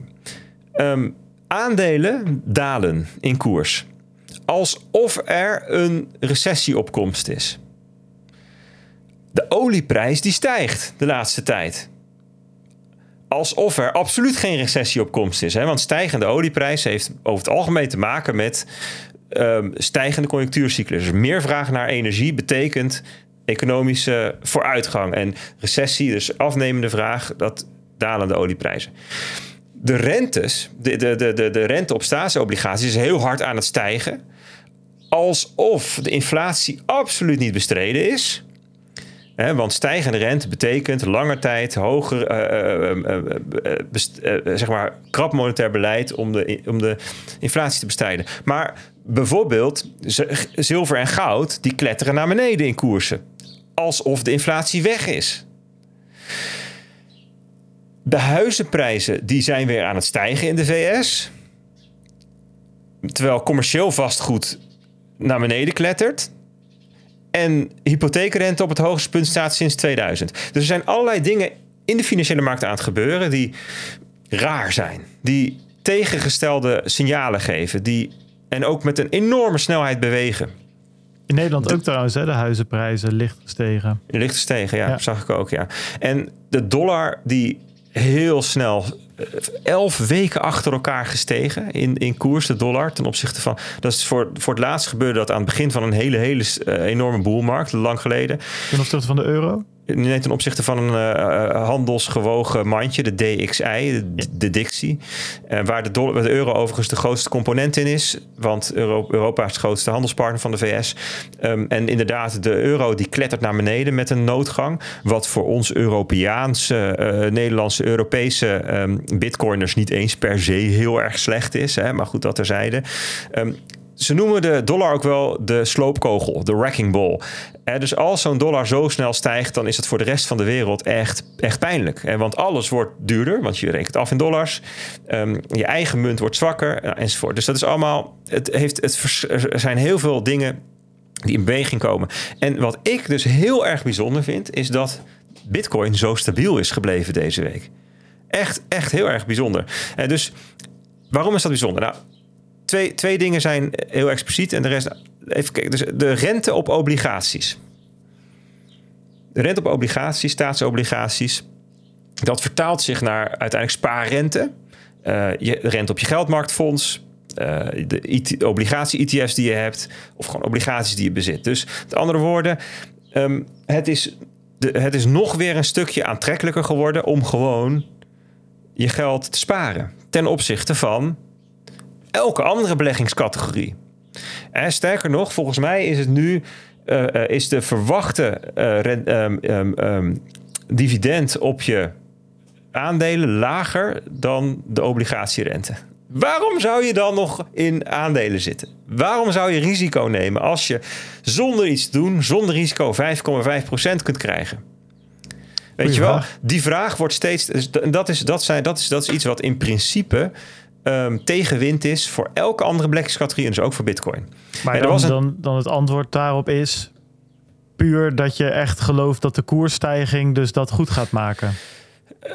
Dat je denkt, dat... nou, wat, wat Tesla nu aan het doen is, nou, die zelfrijdende auto's, dat gaat over twee jaar voor zo verschrikkelijk veel winst, whatever, zorgen. Of die nieuwe eh, bril van eh, Meta gaat ervoor zorgen dat ze zoveel geld verdienen. Ik koop nu aandelen Meta en daar ga ik die 5,5% wel mee ja, uh, verslaan er zijn allerlei argumenten waarom je blijft zitten. Maar steeds minder dus. In aandelen. dus wat jij noemt is er eentje. Dus dat je gewoon conviction hebt over de fundamentele situatie van een bedrijf waar je in investeert. Of van een andere categorie. Bitcoin of, of commodities of goud, whatever. Eh, het kan ook zijn omdat je nou eenmaal een strategie hebt waarin je meerdere assets in je portefeuille hebt. Er zijn natuurlijk allerlei redenen waarom een, een portefeuille is wat die is. Maar je ziet dus wel dat er dat beleggers wat beginnen te verschuiven. En als jij als um, consument, als retailbelegger, als particulier moet beslissen: heb ik bitcoin of zet ik de euro's op mijn rekening? En die beslissing wordt met stijgende rente, gaat die vaker in het voordeel uitvallen van obligaties. Dat is één. Twee, een sterker wordende dollar is eigenlijk ook altijd tegenwind voor alles wat uit, uitgedrukt wordt in dollars. Eh, dus de dollar stijgt, de rente stijgt en bitcoin gaat gewoon opzij. Aandelen zijn de laatste tijd aan het dalen. De VIX, de, de, eh, dat is de volatiliteitsindex, de verwachte volatiliteit van aandelen is gestegen. Het is best wel vaak gebeurd in het verleden dat Bitcoin daarmee gecorreleerd was. Bitcoin ook daalde. Bitcoin gaat gewoon keurig zijwaarts. Goud omlaag, zilver omlaag, best wel stevige stappen omlaag deze week. Het is best wel vaak gebeurd dat Bitcoin daar stevig mee gecorreleerd was. Bitcoin gaat zijwaarts. Ja, ik moet zeggen, ik vind dat opvallend. Ik vind het opvallend dat Bitcoin gewoon blijft liggen rond die 26.000, 70.000 dollar. Terwijl om ons heen alles in elkaar dondert en in de fik staat. En um, ja, had ik niet verwacht. Dus dat is dat, dat, dat, dat, ja, ik ben ook benieuwd hoe dat uitpakt de komende tijd. Ik had, ik had een negatiever september verwacht dan dit. Toch, en dat vind ik wel belangrijk om te zeggen, ben ik op de korte termijn niet per se bullish voor Bitcoin. Best wel een beetje bearish eigenlijk. Kijk, op lange termijn wel. Hè, dan moeten we zeggen, mijn basisscenario is in de komende twee jaar wel ergens een stevige boelmarkt.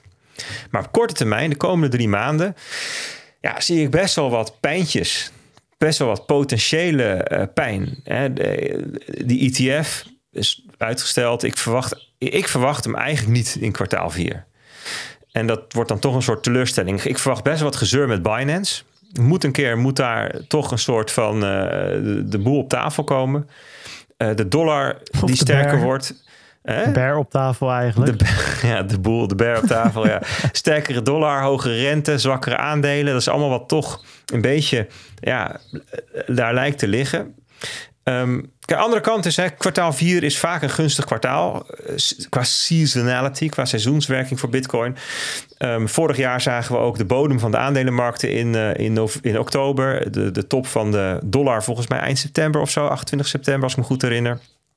Ook voor Bitcoin was het een weer een gunstig kwartaal. Dus uh, op zichzelf qua kracht. We alleen toen FTX. Is het begon goed in oktober en toen kwam in november FTX. Dus ik ben, ja, weet je, dus, dat kan je niet, niet echt per se extrapoleren natuurlijk. Uh, maar dus ja, dus je, kan, je kan voor beide wat, wat, kan je wat argumenten aandragen. Maar ik ben niet per se voor kwartaal 4 heel bullish. Maar ik vind het wel opvallend dat het zo sterk blijft. Dus ik ben benieuwd hoe dat uh, komende weken verder uitpakt. Ja. Mooi. Mooi. Ja, ik uh, ben super bullish. Ik ben een boek aan het lezen, The Coming Wave. Um, dat heet uh, The Coming Wave, ondertitel Technology, Power and the 21st Century's Greatest Dilemma. Dat is geschreven door Mustafa Sulaiman. En uh, dat is niet zomaar iemand. Ik ben even vergeten, hij heeft een of niet een of ander, hij heeft voor mij Deep Mind. Um, hij is een ondernemer en hij heeft DeepMind opgericht. Ja, DeepMind. En DeepMind is op een gegeven moment door Google uh, overgenomen. Dat is nu de AI-divisie van Google. En het boek gaat eigenlijk over de next wave. En hij zegt is een combinatie van AI en biotech.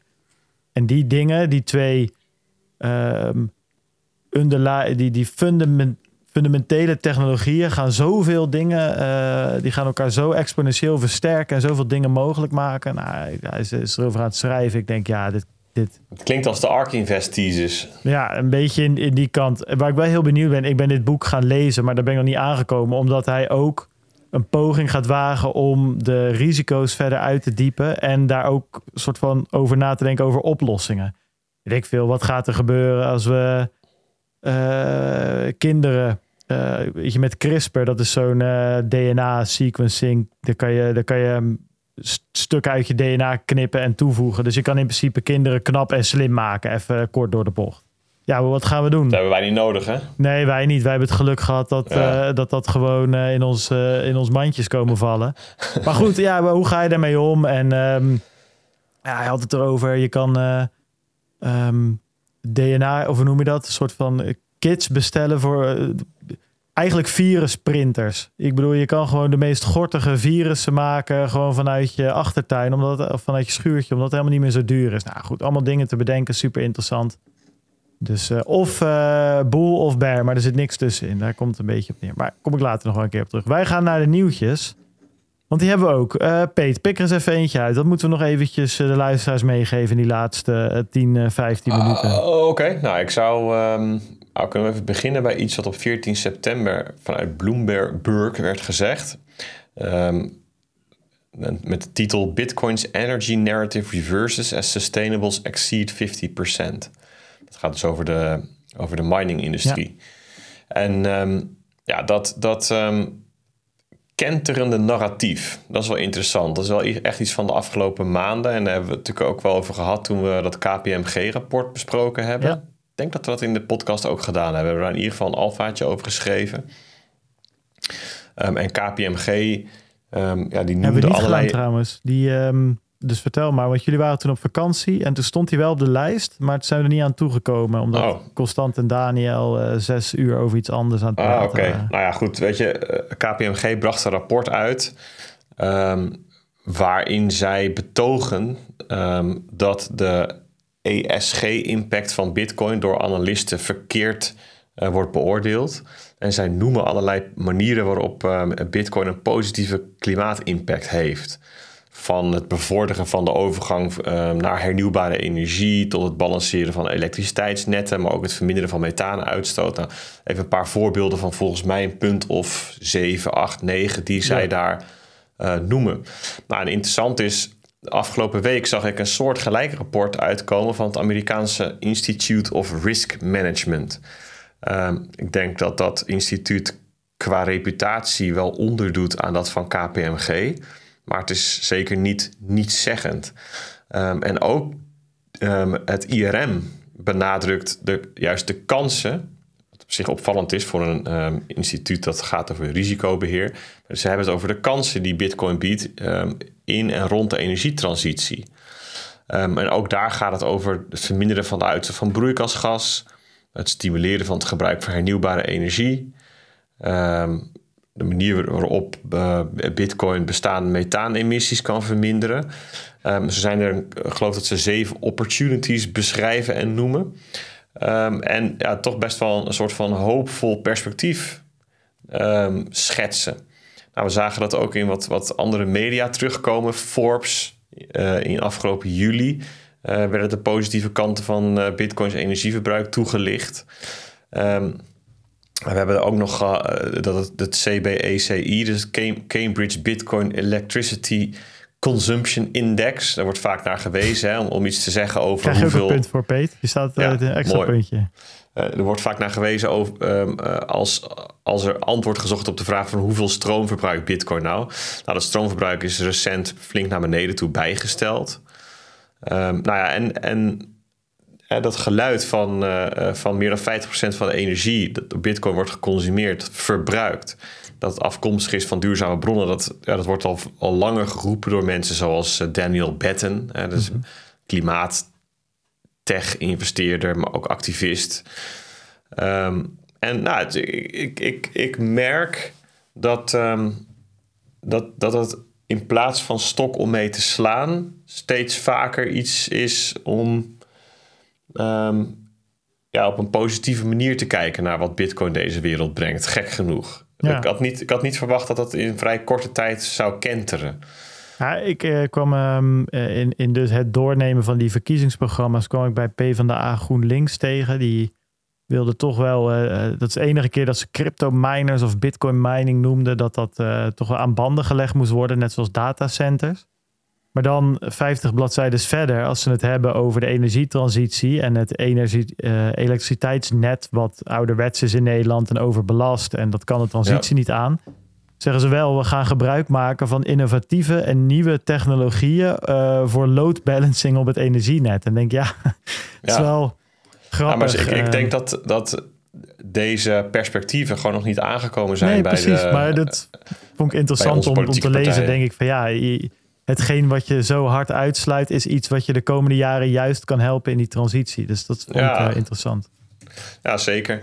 Nou, iets anders wat denk ik nuttig is om even te noemen, dat gaat over de Bitcoin Spot ETF's en de aanvragen die zijn gedaan. Ja.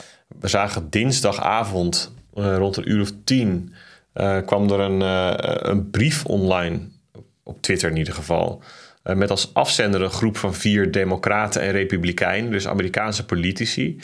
Um, en in de eerste zin, um, nou die zegt genoeg, ze schrijven. Um, we schrijven deze brief om ervoor te zorgen dat de SEC niet doorgaat met het discrimineren van spot Bitcoin ETF producten. Dus deze brief is gericht aan de SEC. Gary Gensler, de voorzitter. Ehm, nou, je raadt het al, dus, dus, dus opnieuw een soort betoog, pleidooi voor de goedkeuring van die ETF's. Ehm, en ze verwijzen daar vrij uitgebreid naar de rechtszaak tussen de, tussen de SEC en Grayscale, die, ehm, eh, waar we een paar weken geleden een, een, unaniem besluit um, werd, een oordeel werd geveld door de rechters. Die koos partij voor de Bitcoin sector, zou ik kunnen zeggen. die stuurde de SEC terug naar de tekentafel. Maar dat is nog dat, dat, het laatste hoofdstuk van dat verhaal is nog niet geschreven. De SEC kan nog in beroep gaan. Eh, is nog niet echt een besluit genomen door de SEC van hoe ze daar nou op gaan reageren. Um, nou, dus die brief die kwam online en dat werd dan natuurlijk ook gezien als uh, nog een steun in de rug, wat extra rugwind voor die Bitcoin Spot ETF aanvragen. Maar uh, een half uurtje nadat die brief online verscheen, kwam al bericht van de SEC. Um, ik denk niet per se omdat ze dat hebben gedaan, omdat ze reageerden op die brief. Die, die twee berichten elkaar gewoon gekruist hebben. Um, maar in het bericht van de SEC staat: um, joh, wij stellen onze beslissing over de aanvragen van ARK, ARK Invest en Global X, ging om twee aanvragen, die stellen we uit. En um, op zichzelf is dat niet zo onverwacht, maar wat wel opvalt is dat ze dat nu al doen. Want die beslistermijn daarover die verliep, verloopt pas op 7 oktober. Dat is, maar dat sluit dan dus wel aan dat het, dus, dat het dus wel een reactie op is.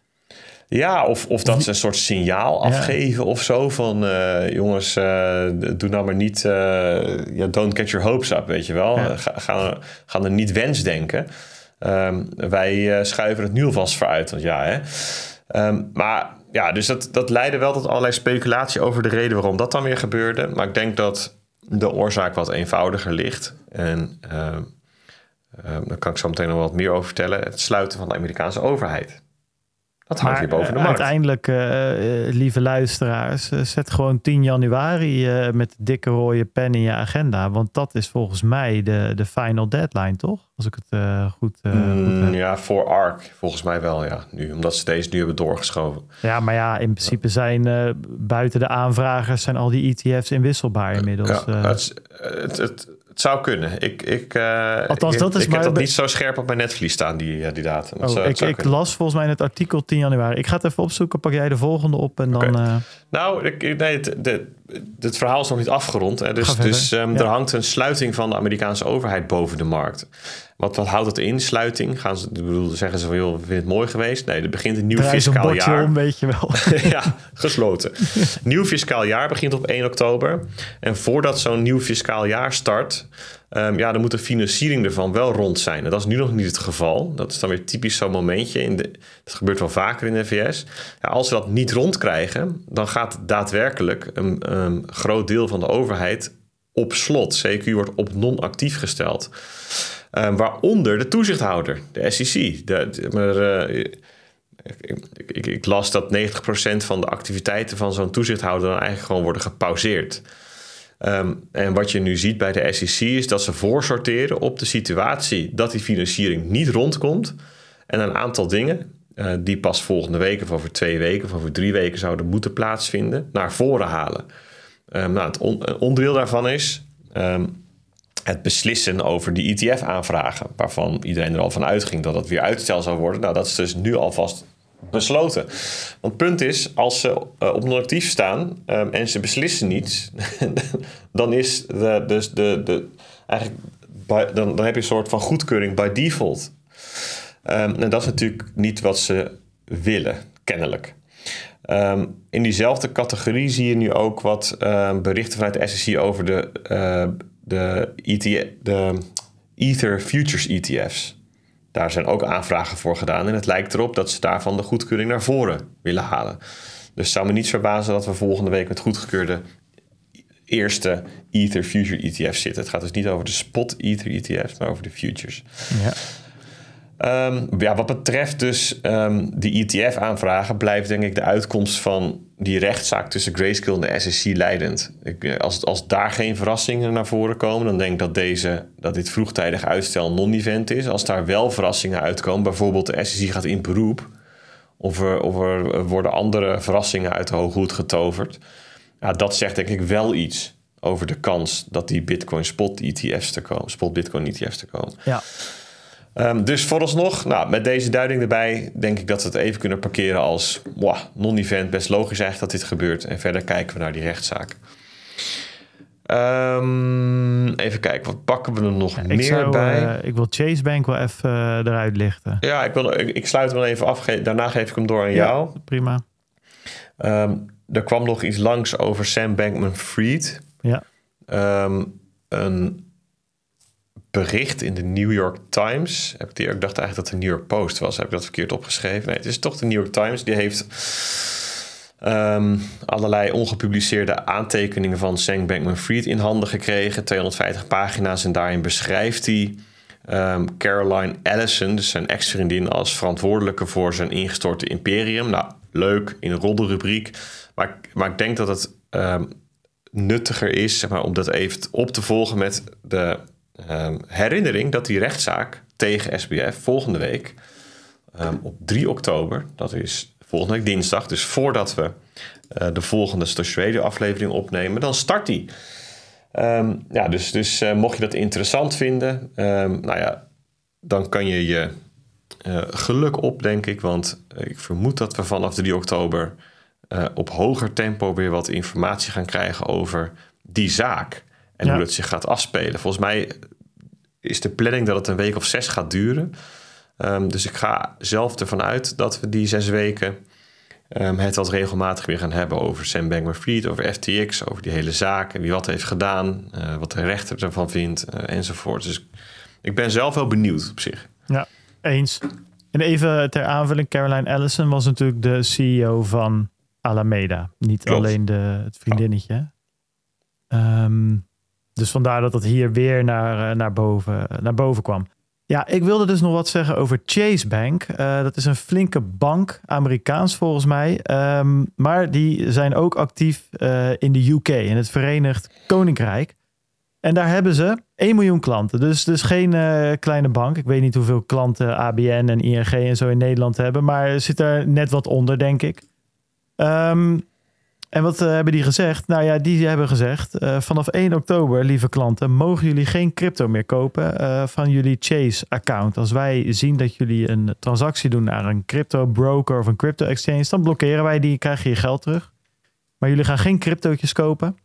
En ze zeggen dat te doen omdat er veel klanten ten prooi vallen aan crypto scams. Ja, goed, dan is dit denk ik niet de oplossing. Ik heb hier een leuk polletje bij bedacht, want die moeten we natuurlijk nog eventjes toevoegen. Mij leek het wel leuk om aan onze luisteraars te vragen: zou jij van bank veranderen als je geen crypto meer mag kopen? En dan heb ik het dus eh, ja, jij als persoon, dus niet als zakelijk eh, bedrijf, maar als persoon. Zou jij van bank veranderen als je geen crypto meer mag, eh, mag kopen?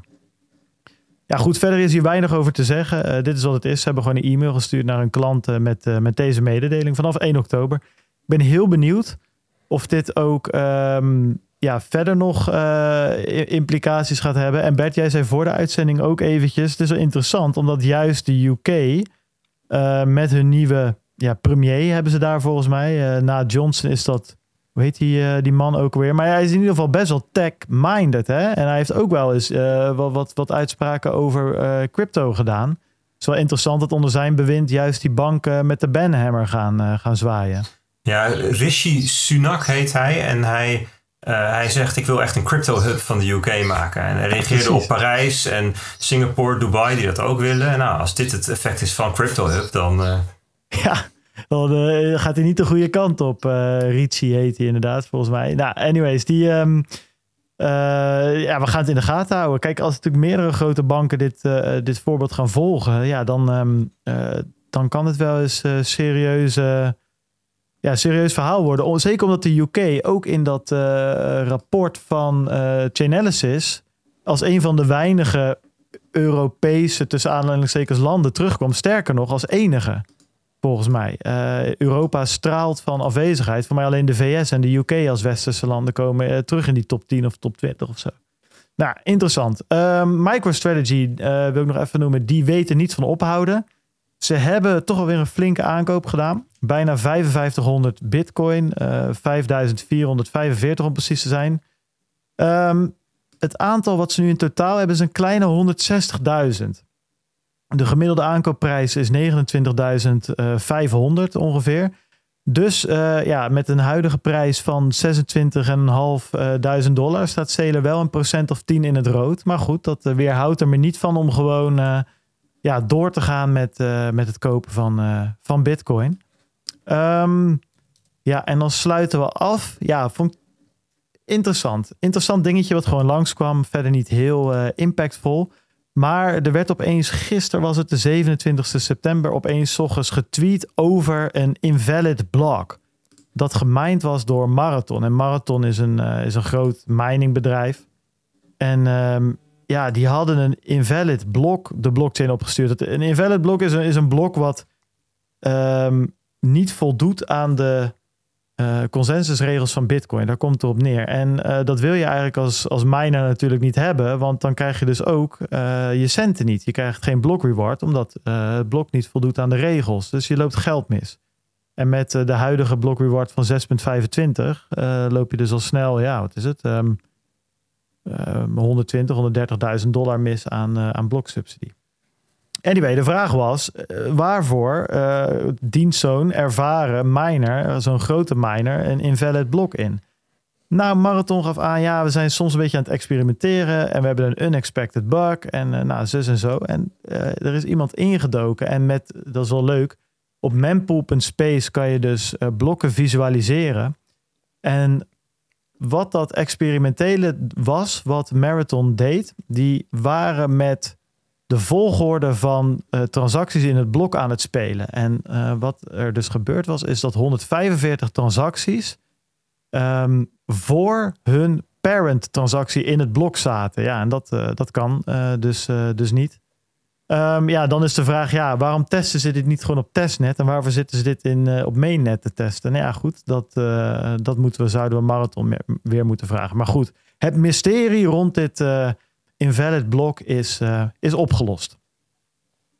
Dan denk ik dat we er zijn, heren. Denken jullie het ook? Hebben we toch oh, weer, dat lijkt mij wel. Ja. Dat ja, we, voor de luisteraars, in... jullie hebben het niet gehoord, want het is er netjes uitgeknipt. Maar we hadden net even wat, wat, technische problemen hier. Vandaar dat je Bert net in een heel klein stukje nog eventjes via zijn AirPod-oordopjes hoorde. Ja, wij wij zijn ook gewoon net als Marathon Mining zitten wij ook gewoon te testen in productie. De nieuwste apparatuur, de nieuwste tools. Ja, dat gaat vaak goed en, uh, en soms niet. Ja, dat hoort erbij. Uh, ik hoop dat jullie... Uh, nou goed, jullie hebben het amper gehoord. Dus dat, dat gaat helemaal goed komen. hey, heren, dank weer. Voor nou, jij ook, jongen. alle, alle toevoegingen, alle leuke discussies. Ik denk dat we weer een mooi afleveringetje op poten hebben gezet. Uh, de luisteraars, nou ja, goed, laat even weten in het polletje. Uh, op Spotify kan je dus um, kan je stemmen. En, uh, en doe, dat dus ook, doe dat dus ook vooral. Zou jij van bank veranderen als je bij die bank geen crypto meer mag kopen? In de QA kan je altijd achterlaten waarom je zou dat wel of niet zou doen. Je kan achterlaten wat je vond van deze aflevering. Je kan laten weten wat je vond van de Alpha, Bitcoin Alpha die we versturen via Bitfavo best wel leuk. Veel mensen doen het. Het is een hele makkelijke en laagdrempelige manier om met ons te communiceren. Vind je de podcast leuk? Join onze Telegram groep. Volg ons op Twitter. Alle links staan op www.satoshiradio.nl. En dan rest mij verder niks dan jullie hartelijk te bedanken voor het luisteren. Uh, voor alle leuke reacties. Voor het opkomen dagen bij de meetups. En dan uh, ja, zien we jullie volgende week gewoon weer terug voor aflevering 279. We gaan gewoon lekker door, jongens. Wat, het jongens. is niet normaal. Dat muntje, joh. Je raakt er niet over uitgepraat. Tot volgende week. Later. hoi. hoi.